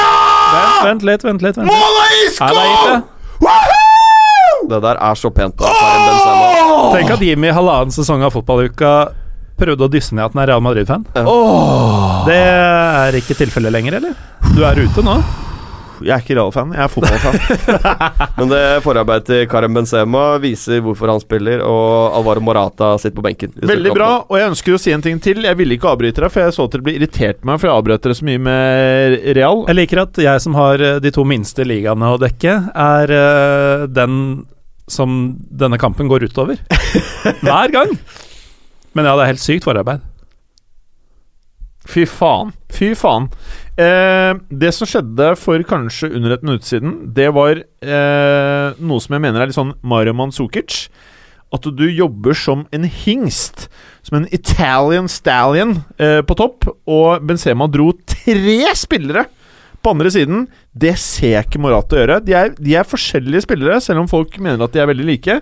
Det er faktisk ekstremt bra gjort, ser jeg. Ja, men eh, det Karim Benzema er mye mer fotballintelligent Ja. enn Alvaro Morata. Han- Alvaro Morata er jo en i boksen, men er jo ikke den som spiller opp alle andre. Men nå har Benzema utviklet seg veldig mye som fotballspiller siden han kom til Real. Ja. For i Lyon så var han nettopp det. Ja. Så eh, det er klart at han har tatt mange steg, og jeg tror eh, den der duellen som Benzema og Higuain hadde i flere sesonger Du hadde én spissplass, du hadde to spisser som basically var like gode, og så valgte til slutt Real å satse på eh, Benzema. Og jeg skjønner jo Og jeg var jo stor, stor Higuain-fan. Syntes det var veldig trist når han måtte dra, men jeg skjønte greia. Jeg er fortsatt Higuain-fan. Jeg Ja, Synes han er en kul spiller. Altså, Ja, er det deilig at han ser litt lubben ut? Det er, det er nydelig! Ja, og så er det noe med dette her med Å, faen. Nå følte jeg at det, Nå kunne jeg puste igjen, da. Ja. 4-2. Faen, vet dere hva jeg ser nå? Hva? 43 minutter. Hadde jeg sagt ja en halvtime fra nå i stad, Ja. så hadde jeg vunnet veddemålet. Men eh, jeg ønsker den pilsen sånn når det er litt varmt en dag, ikke når det driver halvsnør. Da skal vi treffe godt. Det treffer godt, Gallost. Vil du male Vil du prate noe om den der ligaen din? Jo, gjerne. Um, spørsmålet i programmet var vel ikke eh, hvilke kamper jeg ville dekke, men uh, om det er avgjort. Eh, Spørsmålet ditt, Jim, var vel for øvrig Du, nå må du følge med her. Dette er reprise. Jeg har sett det før, Jim. Ja, vi har sett det. Det ble mål denne Det er, gangen òg. bare, det du var- er så pent det Benzema gjør der. Fy faen! Spørsmålet du var i ferd med å stille før Benzema gikk bananas på dørlinja der, Ja. var om dette er den mest spennende sesongen i lig på lenge. Ja, i hvis moderne jeg, hvis jeg tid. tolka deg riktig. Ja, I moderne tid kom. ø, er det ikke, men uh, siden uh, Eller PSG-hegemoniet ja, virkelig ja, det starta, det jeg mente. Det var det jeg mente. året etter at Montpellier tok gullet Ja. foran dem. Ja, Eh, det var ganske sjukt. Ja, det er jo egentlig sykere enn det Monaco driver med. Mm. Eller er det ikke det? men Nå må jeg tenke jo, det, det var Jo, det er vel det. For de skulle ikke være der oppe. Monaco skulle i hvert fall være i topp tre. Men uh, Montpellier, når de vant, var PSG like innarbeida lag som det de er nå? Nei, men de, uh, Fordi de da, da hadde vel PSG en trøblete sesong. Ja, åpenbart, siden Montpellier vant. Ja. Men de uh, var De skulle være, på bakgrunn av pengene de hadde brukt, spillerne de hadde kjøpt osv., være overlegne. Og Montpellier skulle være et åttendeplass-type lag. Så det var mye sykere. Men uh, spenningen som vi har hatt gjennom hele Ligue Ø-sesongen, er faktisk utløst. Monaco blir seriemester. Og det med Nå er det for så vidt bare to runder igjen, men Monaco har jo tre kamper igjen pga. denne Saint Etienne-kampen som ble utsatt. Og det um, tidspunktet for den var jo noe vi brukte som et ankepunkt, faktisk, for at uh, den skulle spilles bare noen få dager før siste runde. Og Monaco ville da ikke nyte fordelene av den på noe tidspunkt. De ville heller ha PSG hengende på seg hele tiden og ha veldig press på seg når den kampen inntraff. Og Torres prøver å briske seg mot Ronaldo! Ja, skal, Forsiktig. skal, vi- skal vi bare snakke litt om Frankrike? eller, Jævla forsiktig nå, Ja. Torres! Men eh, så NIS, som jo for så vidt har meldt seg ut av selve gullkampen, de eh, ga jo Monaco eh, Riviera-rivalen en high five med 3-1 mot eh, PSG for ikke så veldig lenge siden. Jeg leste på leppene som sa Pota. Jeg leste det. Jeg sa ikke det. Lur. Nei, ikke det. uh, sorry. Ja. Er du tilbake, Kim? Jeg er tilbake, for nå er pause snart. Um, sist runde så um, Monaco slipper jo ikke opp. 3-0 borte mot Nancy er bunnsolid. Det er typisk bananskall. Et Nancy som kjemper mot uh, nedrykk, og som gir nebb og klør. Hadde ikke sjans. PSGs 5-0 over Bastia er jo ikke noe mindre imponerende sånn sett, men det er mer sånn etter oppskrifta. Cavani med to skåringer, forresten. Fortsetter å banke dem inn. Faen, vi mye mål har nå. Over 40. Det er meget sterkt, da. Vi har jo ledd av han. Vi har sittet her og Ja, Man kunne jo hatt 70. Ja, det er det. Det er derfor vi ler. vi Ja, ler jo fortsatt. Ja, Men Så eh, er det når, når Monaco da tilsynelatende sparer mot Juventus, så er det tydelig hva fokuset er på. Uh, kan selvfølgelig hende at jeg har feil i den teorien, men denne, det er syltynn sjanse for at jeg tar feil om noe som helst. Det blir trolig eh, endelig avgjort uh, på søndag, er det vel kampene spilles nå. Nest siste runde. Det vil ikke bli delt ut noe gull, fordi teoretisk sett så vil det fortsatt være mulig for PSG uansett hva som skjer. Men uh, alt som skal til, er at Monaco slår uh, Lill. Da vil de i verste fall ha tre poengs ledelse og veldig veldig mye bedre målforskjell enn PSG, som da kun har én kamp igjen. Uh, de møter eh, Saint-Étienne lørdag i eh, I nest siste runde, altså nå. Ja, for det er vel bare Real Madrid og Barcelona i Europa som har skåret mer mål enn Det- Monaco. Korrekt. Og Monaco vil da ha tre poengs ledelse og enorm målforskjell mot et lag som da bare har én kamp igjen å spille. Men i teorien så trenger de da ett poeng til, og det vil de ha to kamper til. Så um, jeg kan vanskelig se for meg at Monaco sklir mot Lille, og selv om de skulle gjøre det, så føler jeg at de har dette i lomma. Og Det, er var fett. Frankrike. Det var Frankrike. Ja, og da uh, i Mats Bergers sin eksamensperiode, så må jo du ta over Serie A, Preben. Ja, jeg ser jo litt av det også. Syns Serie A har blitt en uh, utrolig kul liga Ja, og årene. jeg tror bare det kommer til å bli bedre for hvert jævla år Ja, fremover. Jeg òg. Ja. Sorry. Yeah, high five! Nei, men, High five! nei, men altså, La oss si bare ta fem-seks år tilbake i tid, da. Var Serie A dørgende kjedelig. Altså, det var så dårlig kvalitet. Det var lite mål. Nå er det eh, Nå er det Hva skal vi se? Øl, ja. Takk, ja. Det kan vi ta. Nei, men nå, nå, er, det, nå, nå er det kvalitet. Altså, de har fått en eh, Et av Europas beste Altså, Juventus er der. Som, som på en måte Det hever jo standarden på de bak også. Å ha et av Europas aller beste lag der. Og eh, Nei, nei, det skåres mye mål. Det er underholdning. Det, er, eh, det virker som eh, det er mer attraktivt for de beste spillerne i Europa også å komme til Italia igjen. Mm. Og det er kult for, ja. for egentlig hele altså, europeisk fotball. Og Derfor så tror jeg det er veldig viktig Folk sier at det er kjedelig med Serapin og Juventus er så jævla bra i forhold til de andre lagene. Jeg tror det er knallviktig at de fremstår som eh, et av verdens beste lag. Og at det at de vinner hvert eneste år eh, Who cares? Rolle. De er dritbra, og det er helt greit at de vinner hvert eneste år. Jeg tror ikke det skader Serie A et gram. Og frem til Milan-klubbene klarer å bygge seg opp igjen, frem til Roma ser jo ganske decent ut. De gjør det. Eh, Og så er det dette med at de ikke eier egen stadion osv. Altså det, det er jo noe de har planer om nå. Eh, 2019 de skal begynne å bygge. Det er vel det som ligger i planene. jeg, jeg stoler aldri 100% Nei, det er Italia. på, Ting de tar jævlig lang tid. Men nå har jo Atalanta har jo nå kjøpt uh, stadion fra Bergamo eh, kommune. Jeg tror ikke det heter kommune der nede, men uh, Du mener Men det er en kommune. det er en kommune. Men jeg tror ikke det. familien Sveiden?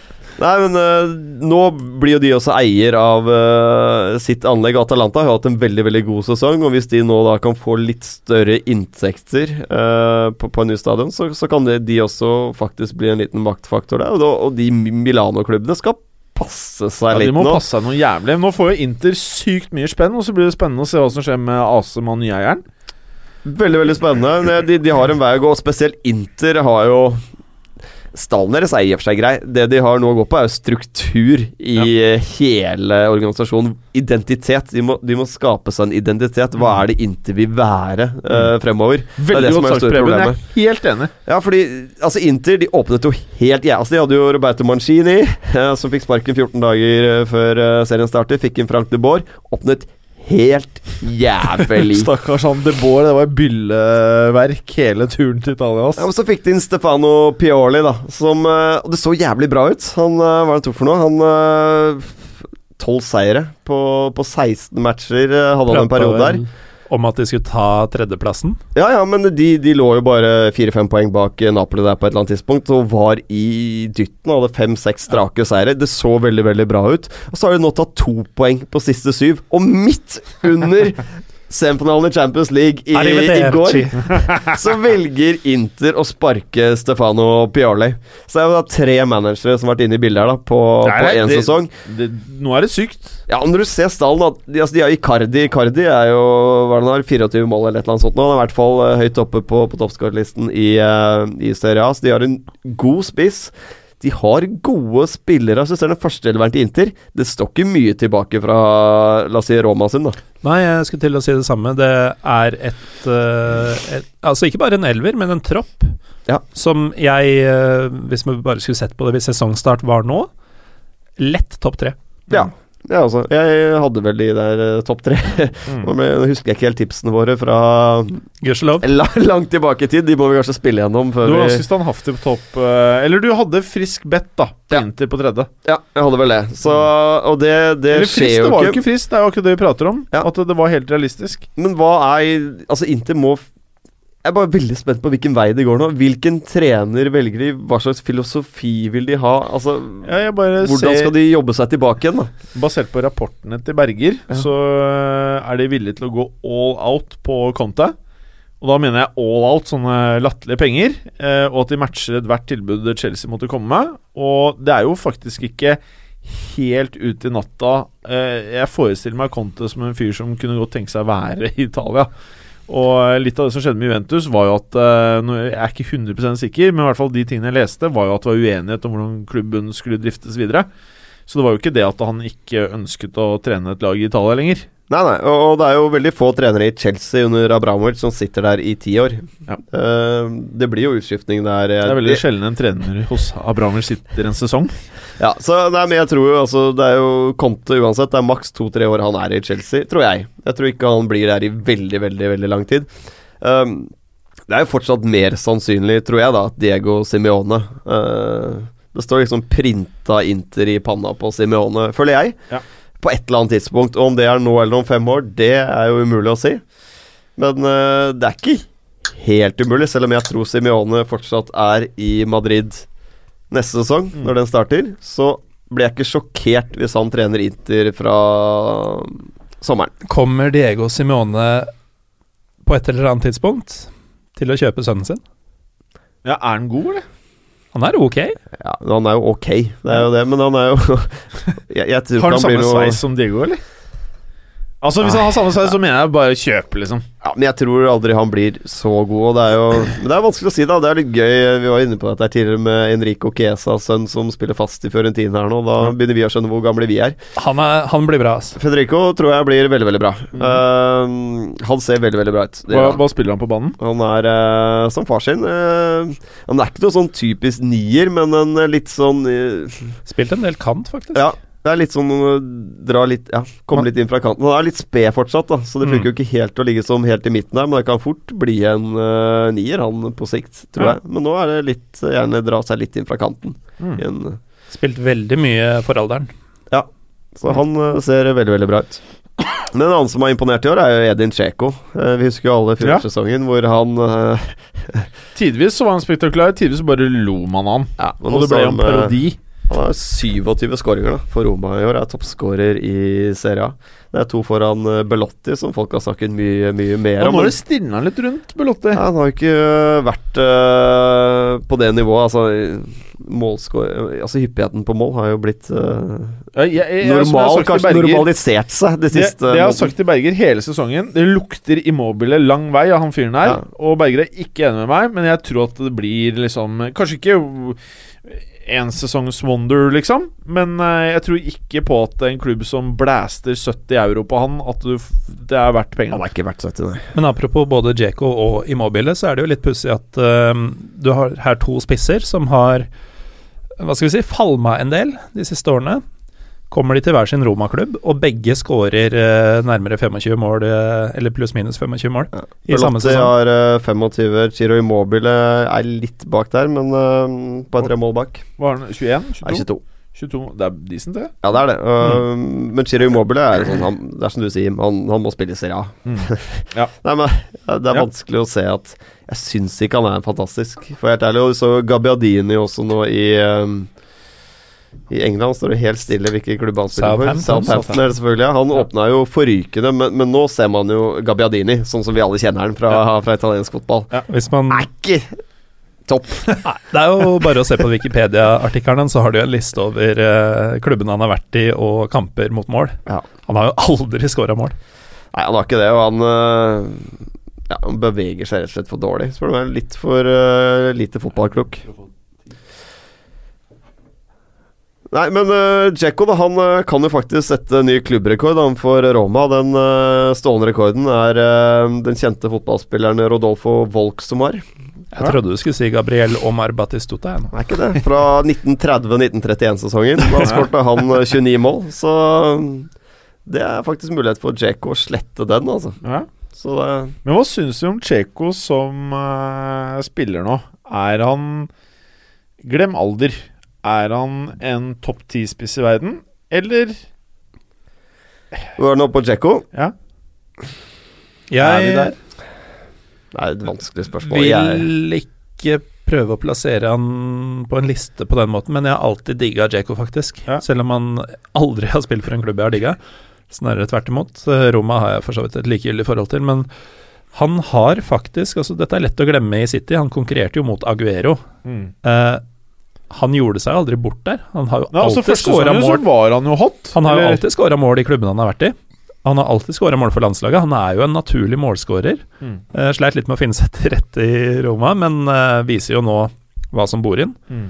Og etter flere år sånn inn og ut av laget og litt sånn Hva skal vi si um, Han har jo sikkert hatt en usikkerhet i seg, i og med at han gikk fra å være kongen av eh, Wolfsburg, som kanskje ikke sier så mye, men eh, nei, men de var bra, da. mm, til å spille andrefiolin i årevis. Du, der dukka Fjørtoft opp uh, i sendinga her. Hva har skjedd med sveisen? Den er ikke klippet. Nei, men Det som er spennende nå i Serie A, da, det er jo For det første så er det da I toppen da, så er det jo Roma er ett poeng foran Napoli. Og Det er ganske viktig med den andreplassen i Serie A. Um, Roma de møter Juventus nå til helgen. Så er jo spørsmålet hva Juventus stiller med der. Jeg tror de stiller fullt toppa til den eh, matchen her.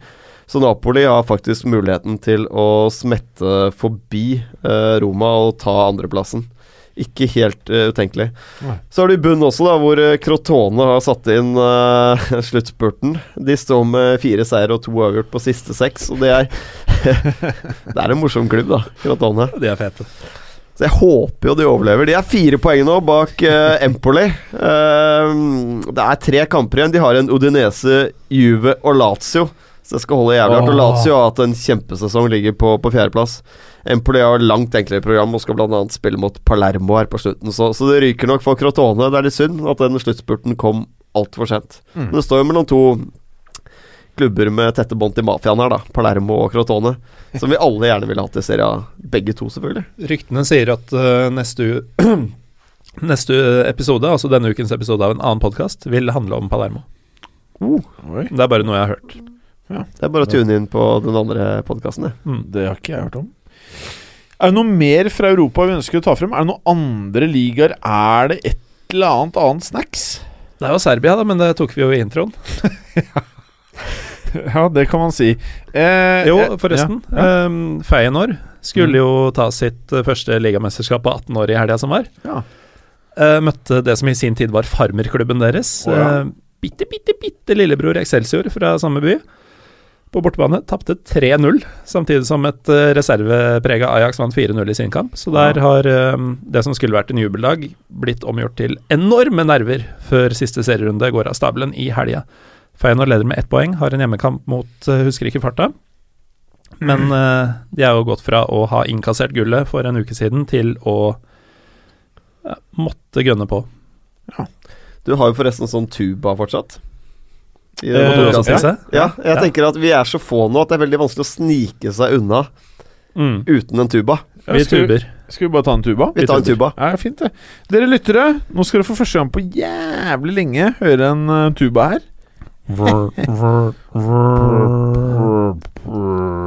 Det var ikke en tuba, Gallosen. Det du drev med? Det er en tu- Og så Premier League, folkens. Og um, Gallosen eh, Southampton Arsenal Den spilles vel faktisk simultant med at vi sitter og ser på Champions League. Vi har jo kanskje ikke retta så mye fokus på hvordan det går i den matchen. Har du noe oversikt der, Preben? Det har jeg. Arsenal eh, leder 1-0 nå når vi snakker, og det er spilt 65 minutter. Og det er en kamp Arsenal må Ja. vinne. Ja. For å Og så vinner de den, så er de jo ordentlig inne i topp fire-kampen. Jeg kan eh, referere til den når jeg senere skal gå gjennom preview på Stoke Arsenal til helga. Ja, ja, det er fint. Wait. Kan du bare si Fikk du med deg hvem som skårte? Alexis Sanchez. Oh yeah! Assist. Alexis Sanchez. Mesut Özil, oh, ja. står det. Så navnene begynner å levere nå som det gjelder som mest. I got that Det passer eh, narrativet som jeg har til uh, dekninga av uh, helgas match. Det er deilig, altså. Fin fornorskning av eh, narrative. Narrative. Um, ok. Skal vi ta West Brom-Chelsea? Det kan vi godt. Det handler jo i all hovedsak om at Chelsea blir eh, mester ved seier. Men det blir det jo uansett, og jeg tror nesten at eh, en del Chelsea-fans uh, håper på å forvente en uke, slik at de får tatt det på hjemmebane. Ja. Jeg tror de er såpass sikre på at dette går veien uavhengig av eh, resultat her. Og dersom de faktisk ønsker det, så er det en viss sjanse, altså, for utenom i 14-15-sesongen, hvor uh, West Brom um, Nå tuller jeg fælt. det har vært tette, jevne kamper eh, i årevis, uh, utenom 14-15-sesongen, hvor eh, Chelsea vant hjemmekampen med to mål, og West Brom vant hjemmekampen med tre mål, etter at Chelsea allerede var blitt mester. Så har ingen av disse lagene vunnet med mer enn ett mål mot hverandre siden 2011. Um, sånn at det kan fort bli uh, en liten knokkelkamp, men jeg er litt usikker på motivasjonen til West Brom her. For de kan ikke gå noe sted på tabellen, og selv med seier så vil de ødelegge veldig lite for Chelsea. Men eh, West Brom har faktisk 3-1-1 på de fem siste hjemme mot eh, Chelsea, så de har en god statistikk her.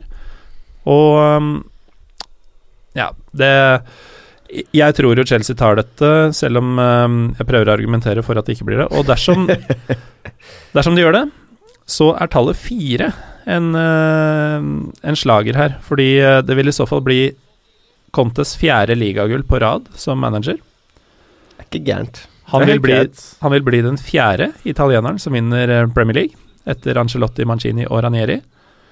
Han vil også bli Ancelotti med samme klubb, Ja. altså Chelsea. Mancini, Manchester City, hva du sa, Ranieri med Leicester i fjor. med Leicester i fjor. Så italienerne har bare tatt over Premier League, er det du prøver å si? Jo, nå er det jo relativt spredte år her, da, men uh, han vil også, han vil også Ikke det i fjor. Det er sant. To Ja. på rappen. Ja, det vil jeg si. Men eh, han vil da også bli den fjerde manager som eh, vinner Premier League i sin første sesong. Det er etter Mourinho, Pellegrini og igjen Ancelotti. Ja. Så um, 4-4-4, og dette skjer jo uavhengig av om Chelsea tar det til helga eller om de tar det seinere. Mm. Eh, Og fellesnevneren for alle disse her er vel at alle er i relativt ny æra av Premier League. ja, det kan du si. Ja, og det har vel noe med at alle disse trenerne kommer inn til lag som allerede har et godt fundament, og får lov til å spende cash. Eh, er det rimelig å si? Ja, utenom Ranieri, som for så vidt Ja, men det er et unikum, hele greia. Ja Nei, men det, det er liksom påfallende med West Bromwich. Da. Nå har de seks kamper uten seier nå. De har Eh, ikke scora i sju av de ni siste matchene. Nei, men det er liksom Tony Eller det er ikke West Bromwich, det er Tony Pulis, egentlig. Idet han passerer de 40 poengene, så er sesongen over. Så, så, så kommer det ikke noe lenger. Det er liksom bråstopp for Tony Pulis. Da, er det, ja, da slapper vi av, karer. Eller han sier vel ikke det, men da Ja, men har han sånn vel ikke den. Ja, ja, da, da er det helt slutt for Tony Pulis-lag. Mm. Så mm, jeg, jeg klarer ikke helt se at de får med seg noen ting. Men jeg stusser litt over at eh, For de berammer jo disse TV-kampene relativt kort tid før. Altså De setter ikke i eh, august og sier at i nest siste runde så skal uh, West Brom Chelsea gå på fredag. Og jeg syns det er litt rart at en kamp som potensielt avgjør ligaen, går så lenge før Tottenham møter United. Ja, det er det. De kunne jo liksom holdt litt mer på spenningen, da, eh, kan du si. Hvis Mm. Tottenham Selvfølgelig. Hadde da, det, Men det er jo ikke noe spenning her, og det har jo egentlig ikke vært det. Det er jo sånn Man prøver å Det er sånn halmstrå som man prøver å klamre seg til. Er det Det har jo ikke vært spenning. Selvfølgelig skulle Westbrown mot formodning ta dette, så vil man jo kunne late som om det er en viss spenning i eh, Tottenham United, men eh, den kan vi gå mer gjennom seinere. Og der er Navas god, altså. Å, fy faen! Ganske grei dobbeltredning der. Og det på- var faktisk vår kjære venn Danilo, så vidt jeg så, som choka så jævlig i forsvarsarbeidet. Mot floppen Gamero, var det? Ja, det var, do, det var dobbeltsjanse, og veldig bra av Keylor Navas. Veldig. Jeg, jeg er ikke så sikker på at DG hadde gjort det der bedre. Men Gameiro, altså Se på nye sveisen til Diego Simione! Så du den? Jeg er ikke så opptatt av sveisere, er du, Preben? Nei, ikke veldig det hele har jo ikke sveis. Eller har ikke du heller. Jeg syns ikke sveis er relevant. er Bortsett fra da Lillestrøm møtte Odd på mandag, så var det to spillere på Odd som hadde den der dustete samurai-tusten på bakhuet. Oh, ja. Det er eh, ikke bare to, men én for mange. Nei, åssen blir det? Ikke bare én, men to for mange. Du mener en eh, annen versjon av Beckham-sveisen? Ja, eller den som Firmino hadde. Ja, den, ja. Fy Ja, faen. den var fæl. Den var fæle greier. Den var Ja. ikke den feteste ever. Men skal vi Så- videre? Jo, men bare hvis uh, Sondre Rossbakk eller Fredrik Nordkveld uh, hører på, Dere må skjerpe dere. Hvem er de, da? Det er de to. boysa? Mm. Ja. Ok, ok, det får være dine ord. Jeg kjenner ikke gutta. Kanskje ser de helt konge ut. Ja, De ser ut som dritt, begge to. Å, fy faen, det var sterke ord. Huff a meg. Og så namer du de og sier det. Det var ikke så pent. Eh, videre. Skal gjøre? Skal jeg snakke litt om Manchester City, eller? Ja, kan vi ikke det? Mot eh, fjorårs eh, ligamestere, Leicester. Ja, det er jo Dette er jo det som er spennende. Altså, Vi har jo Swansea Hull her selvfølgelig i nedrykkssiden, men, men ligagullet er kjedelig nå. Nå er det kampen om Champions League-plassene, og, og Manchester City de har jo alt i sine egne hender. Vinner de resten, så, så tar de tredjeplassen. Um, vi vet jo alle at en kvalik for engelske lag i august, det det er jo egentlig litt 50-50 om de faktisk kvaler inn eller ikke. Det, er, det, virker som det er sånn greie at kommer du på fjerdeplass, så er du i Champions League. Du har en fot inne i Champions League, men Du eh, skal være i Champions League, men eh, de fleste, spesielt britiske spillerne, er jo fortsatt fyllesyke fra sydenferien de har vært på og sånn. Ja, og så har vi jo sett uh, bare i årets Champions League at det er ikke så stor forskjell på de beste engelske lagene og et belgisk lag, et fransk lag, et uh, ja. Et lag fra Pockner? ja, selv Basel har skapt litt trøbbel for noen engelske lag uh, opp gjennom årene, så, så Og så det var jo et noen... år hvor Basel var eh, Monaco. Ja, det var det faktisk. Mm. Så men City har igjen etter den Leicester-kampen her Så har de West Brom hjemme og Watford borte. Og da, De bør kunne ta full pott der. Jeg tror også de slår Leicester eh, hjemme nå. Selv om Leicester nå har karret seg opp da på, på egentlig den eh, De ligger vel as we speak på en eh, niendeplass. Det er vel der mange hadde tippet de faktisk før sesongstart. At de skulle dytte altså, litt ned til sånn syvende, åttende, niendeplass. Og mm, Oi! Ble det mål til Real eller annullert? Annullert. Annullert, ja. Åh, Nei, men Leicester har eh, Modric Mosen i kassa. Leicester har brukbar taxi på, på Manchester City i det siste. De har vunnet uh, Altså City har kun vunnet to av siste syv, og, og Leicester vant 3-1 på ett av var fjor. i Ronaldo, fjor. Nå er det du eh, På som får mot sliten med inn. eh, gullet. Uh, Jamie Vardy er jo en av de som virkelig har uh, slått ut uh, Eller kommet tilbake sitt, til, til sitt gamle jeg, da, under, etter at managerbyttet fant sted og Shakespeare kom inn. Syv mål på siste ti, og, og, og Shakespeare selv har jo vunnet syv av de ti Premier League-kampene han har gjort. Og man kan selvfølgelig synes, synes, synes synd på Ranieri og alt dette, men, men, men det viser seg jo at det var riktig at de, de måtte gjøre noe der. Jeg fant fram eh, tipset vårt fra før sesongen. Ja, Vi, eh, hvis jeg klarer å tyde skrifta di, Preben, Ja. tar eh, Leicester på åttendeplass.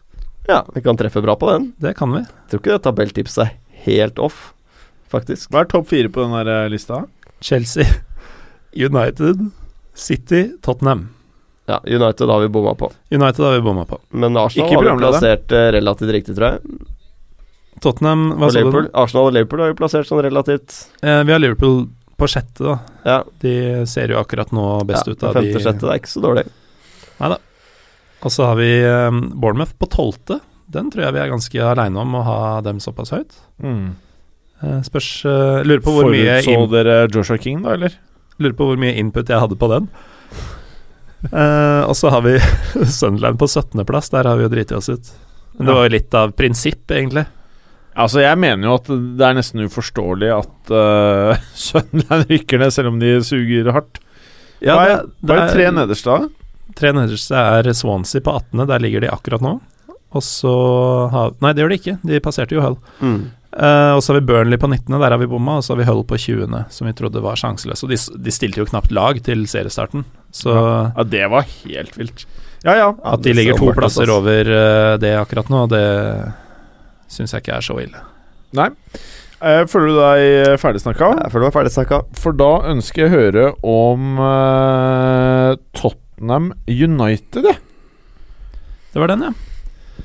Uh, jo, dette er jo denne storkampen som vi var inne på får en viss bismak dersom ting går som de aller fleste tror det vil gå i, eh, på The Hawthorns på fredag kveld. Dette er da den store, store toppkampen som ikke nødvendigvis trenger å bety noe som helst, egentlig. Fordi eh, Tottenham vil nok ikke tro at de har sjanse på gull, uavhengig av hvordan det går med Chelsea. Og United er én kamp unna Champions League-plass gjennom den andre veien. Så det lukter veldig antiklimaks. Tror det blir dørgende kjedelig. Det tror jeg også. Men Um, eh, et element her er jo at det er siste kampen på White Hart Lane ever. mm. Så det vil jo bli eh, mye fuss rundt det, og det, det kan jo kanskje gire opp Spurs-gutta litt, men det kommer til å være en syk stemning på stadion eh, nå på søndag. Det gjør det. Og det er jo ikke sånn at Tottenham-fansen ser på det som et nederlag om de skulle ta sølvet. De Nei, ender ikke. foran Arsenal for første gang holdt på å si, i historien, føles det som. Ja. Uh, og de har jo uh, gjort det mye bedre enn de lagene som var forventa å kjempe, altså City og United hovedsakelig, kanskje. Så det har vært en strålende sesong for dem, og det tror jeg de aller fleste Tottenham-fans vet. At de har eh, gjort det akkurat så bra som de egentlig kunne håpe på. Eh, når det gjelder akkurat denne kampen, så har jo United hatt et bra tak på White Hart Lane, altså selv i de vanskelige årene etter Ferguson. De tapte riktignok 3-0 her i fjor. Men det var eh, både det eneste tapet på White Hart Lane på 15 kamper, og eneste gang de har sluppet inn mål her på de siste fem.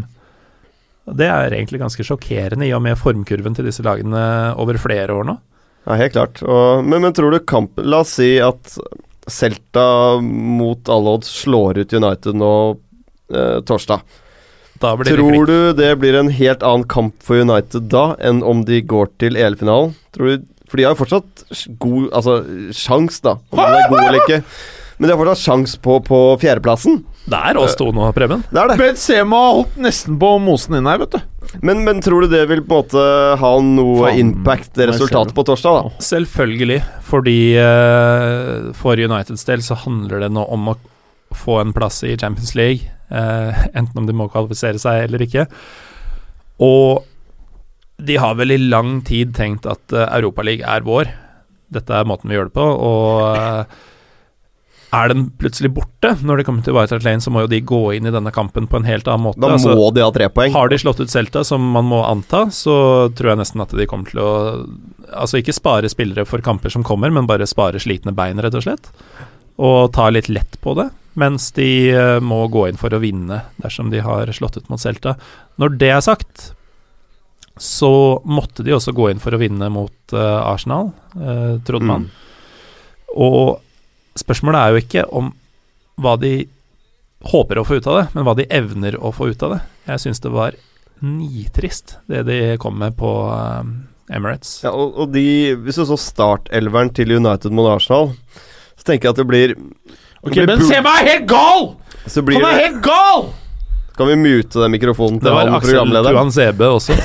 Et av få Ja, men jeg, jeg mener at det laget United stilte med, hvis du ser spiller for spiller, da, så er det et godt fotballag. Mm. Så Um, ikke sånn ut. Nei, men det, hvis det hadde vært B-laget til hvilket som helst annet lag i Premier League, så hadde alle jubla. Mm. Uh, det som er problemet jeg ser med United da, at de har ikke noe tydelig beste startelver og en nest beste startelver. De har 25 mann som er omtrent like gode hele, over hele fjøla. da. Så, og Det er jo i og for seg en styrke, det er en bred stall, men, men de blir ikke noe bedre da om de skifter den ene med den andre. De får kanskje noen nye elementer inn i spillet sitt, men Ja, så har de jo det, hvis du ser på Chelsea, da, hvor Altså, de har fortsatt ikke vunnet per se, men hvor overlegne de har vært hele sesongen. Hva er det Chelsea har gjort? De, de har drilla én elver. Og øh, den gjengen som starter uke inn og uke ut for Chelsea, de kjenner hverandre ut og inn, og de, øh, de er samspilt på et helt annet nivå enn hvem nå United eh, velger å sende utpå der. Eh, de får helt sikkert klare instrukser fra Mourinho, men det er svært få av disse som går ut som er drilla i det, og som spiller i den samme posisjonen uke inn og uke ut og vet akkurat hva eh, hvor han skal være, og hvor ballen kommer til å komme dersom denne har ballen, osv. Da tror jeg er inne på et veldig veldig viktig poeng. For du ser Tottenham også. De, de er ikke store utskiftninger de gjør på startelveren fra kamp til kamp. Du har Liverpool. Det er ikke store endringer de heller gjør eh, spiller for spiller. Så de derre um, Nå bytta du ut Benzema for Ascencio. Relasjonene, da. Yeah. Ja, men relasjonene de, de sitter jo ikke hos United i det hele tatt. Når de må bytte hele forsvarsfireren uh, hver eneste match Mm. og andre posisjoner. da Men uh, vi kan kjøre et par stats på tampen før vi går videre. Og det er Let's. at eh, tre av Uniteds fire ligatap har kommet søndagen etter at de har spilt i Europa. Uh, United er også én av to klubber Kane har møtt i Premier League som han ikke har scora mot. Og han er jo i grei form om dagen, eller? Ja, jeg, jeg, han Jeg, jeg syns Harry Kane ikke har vært helt der han var da han herja på sitt meste i fjor, men så har han allikevel klart å karre seg over 20 skåringer, da. Så han har jo noe i seg. Men er det ikke noe med dette med at uh, du har spillere som klarer å levere uh, de målene toppklubber må ha? Og så kan de ha eh, gode og dårlige sesonger. Så kan vi sammenligne med Ronaldo i år, da. Uh, han leverer det når de må. Ja, som han- er med på å være utslagsgivende stats, da. Ja, han skårer jo mot Arsenal, f.eks. Han, han er jo på der. Han er jo en av, vi, vi husker vi snakket om Thomas Müller tidligere også. Hva er det egentlig Thomas Müller er god på? Det er litt Mm. det samme med Harry Kane. Hva er det Harry Kane er god på? Altså Det er sånn jevnt over godt på det meste, og så har de ekstrem arbeidsmoral, da. Som gjør at de jeg tror de er et helvete å drive og passe på hele matchen. Mm. Ja. Fordi de løper, og de dytter deg, og de er bare Det er helt riktig. Kan vi gå videre? Ja, eh, bare en siste greie er at hvis Tottenham vinner, eh, som jeg føler de har meget god sjanse til å gjøre, så vil de tangere klubbrekorden på 14 strake hjemmeseiere Ja. fra 1987. Det er du fornøyd med, Preben?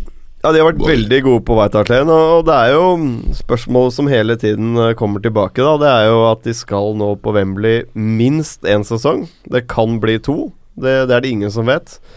Og så er det dette her med Pochettinos lag, som aldri har klart å fullføre en sesong. Espanol, Southampton, Tottenham.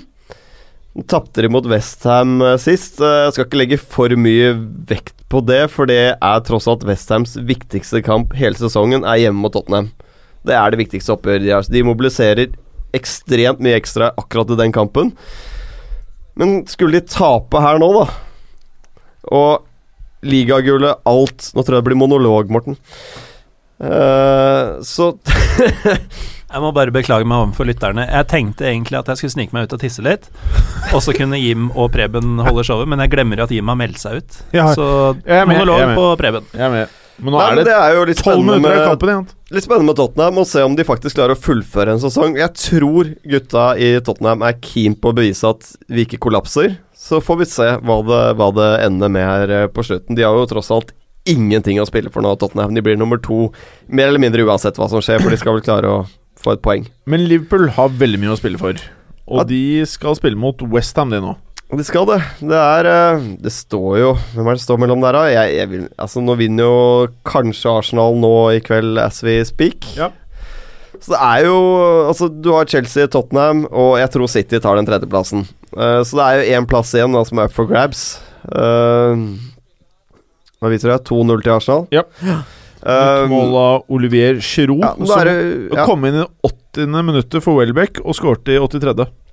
Men da er det full match her om den eh, fjerdeplassen, og Liverpool de har, eh, de har dette i egne hender. Hvis de vinner sine to siste, så, um, så, så får de fjerdeplassen.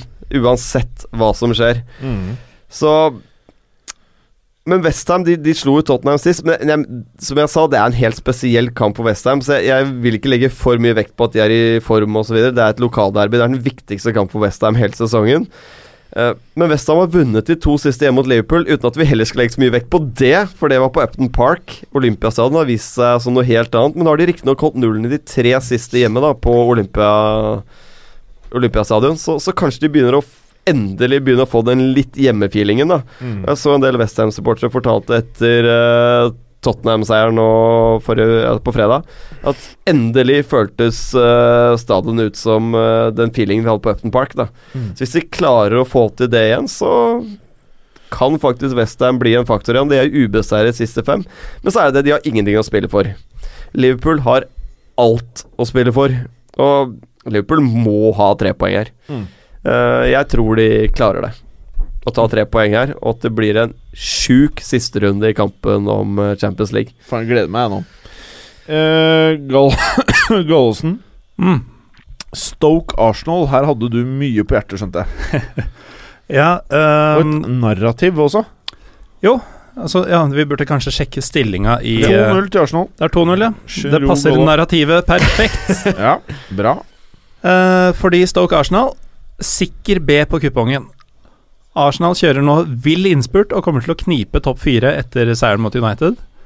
Uh, og som jeg har skrevet i notatene mine, dette fordrer imidlertid at uh, de også vinner mens vi sitter her uh, og spiller mot Southampton. Det ser det jo nå ut til å gjøre. Og så var det i forkant av Arsenal United, de som fulgte min preview der, tok vel med seg et HU-tips, fordi jeg sa at alt lå til rette for uavgjort, fordi det passa ingen av dem. Men jeg sa også at all statistikk var på Uniteds side, og så endte jeg med at Arsenal var favoritt. Ja. Og nå skal jeg komme med en liten tirade av statistikk som tilsier at uh, Stoke har fordelen her. Ja. Nummer én.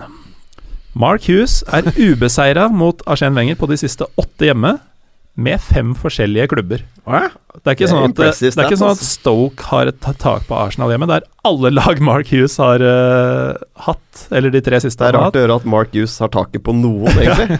Han har Han er balletak på Wenger. mediocre eh, manager, altså. Nummer to. Utenom Alex Ferguson, den manageren som har slått Wenger flest ganger, er Mark Hughes. Ja. Det er ganske sykt, ting her. Sykt. Nummer tre. Arsenal har ikke scora i tre av de fire siste besøkene til Stoke. Nummer fire. Stoke er, utenom Old Trafford, som sammenfaller med Ferguson-staten, eh, det stedet hvor Arsenal har lavest seiersprosent. Og den forskjellen er faktisk marginal. Det er 12,5% mot 12 blank. Ja. Så Arsenal er like dritt på Britannia, eller hva man nå kaller det for tida, som de er på Old Trafford. Og nummer fem, den siste. Stoke vinner alltid siste hjemmekamp for sesongen. De har vunnet eh, siste hjemmekamp tre år på rad og har 12-3 i målforskjell. Alt tyder på Stoke. De har imidlertid ingenting å spille for, og Arsenal lukter blod. Arsenal tar fram klasse og vinner si 3-1. Men mye av de statsene, det er interessant å høre de statsene, fordi jeg tenker at en del av det kan relateres til Pulis-tiden. For at Tony Pulis stilte opp de tårnene han hadde til disposisjon, er det verste Arsenal kunne møte. Altså, de hadde jo bare smattiser. Og de ble jo helt most på dødballet både for og imot. Så Men Hører også med til historien at eh, Arsenal er Peter Crouch sin favorittmotstander. Ikke sant? Det Når Peter. Crouch er det, så Ja, ja det men, men Arsenal er fortsatt avhengig av at Liverpool avgir poeng, da. Eh, Enten nå mot Westham eller hjemme mot Middlesbrough i siste. Så det s- Hvis Liverpool klarer den derre nøtta som faktisk Westham er, da, på Olympiastadion nå til helgen, så står de igjen med Middlesbrough hjemme, hvor de kan avgjøre eh, Champions League eh, selv. Så jeg syns uansett det ser tøft ut for eh, Arsenal, dette her. For all del, eh, det blir ikke lett for dem, men eh, det eneste Arsenal kan gjøre, er jo å vinne kampene sine. Og det kommer de til å gjøre her. Banna bein. Sett hus og hjem på det. Ja, det, det står jo mellom Hvis ikke City kollapser helt der nå, da, det, det tror jeg ikke det gjør, så, så er det jo Arsenal og Liverpool som kjemper faktisk om den fjerdeplassen. Ser det ut som, da. Ja. Går det bra, Jim? Har du prompa, eller? Preben, Knirket noe jævlig i bordet her, i hvert fall. Preben. en liten- Eriks-update. Har du det? Ja, altså Dette her Nedrykksdrama er det jeg gleder meg mest Ja, til. De to siste helgene nå i Premier League. Ja. For meg er det nedrykksdrama. Og det er Ja, det er jo lag jævlig gøy. Det er tre lag Selvfølgelig Middlesbrough og Sunderland. Glem de, de er borte. Men det står da mellom Swansea, Hull og ditt kjære Crystal Palace. For de er ikke helt ute av det, altså. Det, nei, de er ikke det. Jeg skal si akkurat hvordan dette kommer til å Kommer til å bli nå. Fordi nå er det jo Sunderland tok jo forrige runde en eh, jeg For meg var det veldig overraskende at de skulle slå Hull på bortebane. Altså, det fortet som uh, de har klart å bygge opp i Hull der, det, det var ikke mange som uh, trodde på. Men eh, 2-0-seieren er sterk, og nå møter Sunderland Swansea denne runden. Det, uh, det er en, selvfølgelig en viktig kamp. Nå har Swansea da, etter den sterke 1-0-seieren hjemme mot Everton sist, så har de da sneket seg foran Hull på tabellen. Så jeg tror egentlig både nå på slutten her så Hull Mulig at de ble litt for komfortable og tenkte at Sunderland de slår vi uansett. Og jeg, jeg tipper de budsjetterte med tre der. Det har også Swansea gjort nå borte mot Sunderland, tror jeg. Så mm, Men jeg tror faktisk Swansea slår Sunderland uh, borte. Så har du da Crystal Palace møter Hull nå uh, i helgen. Det tror jeg kan bli en jævlig fet kamp. Det blir dri Jeg tror det blir rundens kamp i Premier League. Fordi det virker som Crystal Palace, etter at de hadde seiersrekka si, trodde kom opp på 38 poeng. Nå er vi safe. Eh, de, nå har de jo på en måte Hva er det de har for noe? De har uh, tapt uh, tre på rappen nå, annet 5-0 sist mot City. Og det skiller fire poeng mellom Crystal Palace og Hull. Med den formen som Crystal Palace viser nå, og vinner Hull denne her nå, så er de ett poeng bak. Palace har United borte i siste match. Hull møter Tottenham hjemme. Tottenham er jo kjent for å, å skru av totalt, så det kan fort bli en trepoenger eh, til Hull der.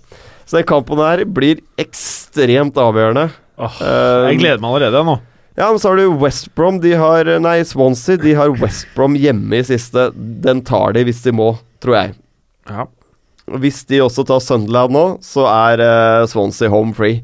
Så står det egentlig mellom Crystal Palace og Hull, som møtes nå til helgen. Og vinner Jeg tror det blir en kamp hvor Palace har nervene langt opp i, i topplokket, mens Hull Hull vet at de må ha tre poeng her, så det kommer til å bli en sjukt fet match. Hvem tror du tar det? Jeg ehm, Jeg tror Hull tar det. Nei, faen! Men- Nei, jeg tror de tar den matchen, og så får vi da det oppgjøret på slutten. Han skal avhøre alt, hvor uh, Palace skal til Old Trafford, og Hull tar imot Tottenham i siste, som Ja.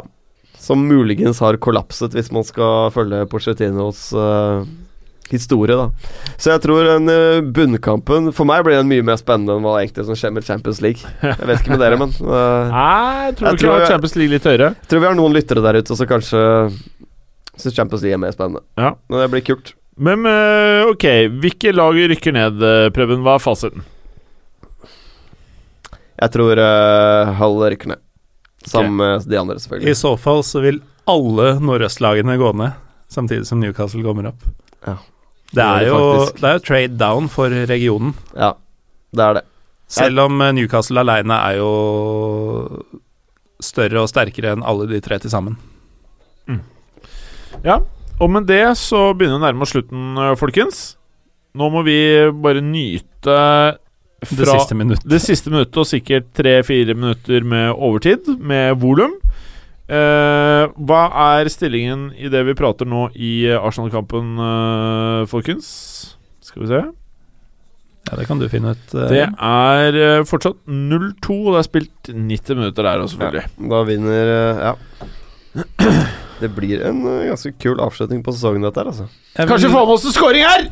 Nei, det gjorde vi ikke. Men er du overbevist nå, Jim, om at uh, dette aldri var spennende? At, uh, Nei, det, for det var jo spennende. Du kan ikke, du kan ikke Ja, på si at 2-0. Ja, selvfølgelig var det spennende. Ja, men hvor lenge varte denne? Ja, Men det har ikke noe å si hvor lenge det varte. Det var Men hvis det var spennende. spennende et kvarter, så har det jo aldri vært spennende. Hæ? Nei, det resonnementet skjønner Men jeg er veldig glad for at det er de to lagene som møtes i finalen. Som jeg sa innledningsvis, de to beste lagene i Europa i hele år. Jeg er så glad for at et lag som ikke er fra Spania, kan vinne. Men apropos Spania, kan vi, eh, kan vi kjøre en shout-out til en meget lojal eh, lytter, Gjør det. som også er en arbeidskollega? Frank Ramón Genovard Larsson. Oh, Frank Ramón! Han er, eh, We halvt, appreciate you! han er halvt spansk og Real Madrid-fan på sin hals. Og sitter, eh, ja, sånn som deg, Jim. Sånn som deg. Ja, jeg er ikke det, men jeg Nei, liker du er, typen. du er halvt gresk, ikke halvt jeg liker typen. Eh, men han eh, skrev en melding mens vi satt der for en drøy time siden, at sleng en Hola! fra meg, her jeg sitter og er nervøs for at Torres også skal ødelegge kvelden for Real Madrid. Eh, og så nå for et par minutter siden fikk jeg Dere er fornøyd med stemningen, eller? Jeg antar at det er god stemning på bortefeltet. Eh, vi har jo ikke hatt på så mye lyd, Frank. Uh, men Jim Jim Jeg kan bekrefte at det er meget god stemning i studio og på arenaen, hvis du er Real Madrid-supporter. Og eh, fra alle oss Se det regner, da. Ho, ho. Fra alle oss i fotballuka uh, når det gjelder Champions League-finalen. Forza Juve Ikke sant, Jim? Jeg Og tror det blir en dritkul finale. Jeg tror det blir helt sjukt Hvem tror du tar av? Madrid. Uh, Gallosen? Juventus FC. jeg, vet du hva? Jeg syns begge lagene er dritfete, og den som vinner, den fortjener det.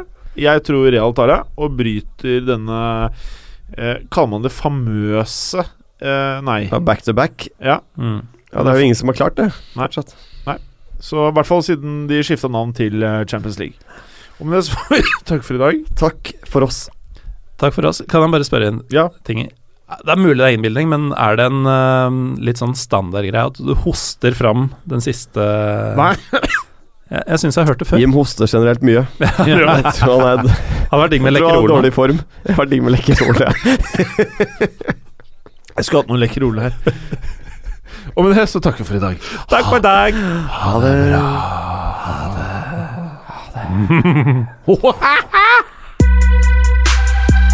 Takk for at du hadde høre på. Vi er Fotballuka på Twitter, Facebook og Instagram. Følg oss gjerne. Men bare få høre. Den tror jeg blir litt fet.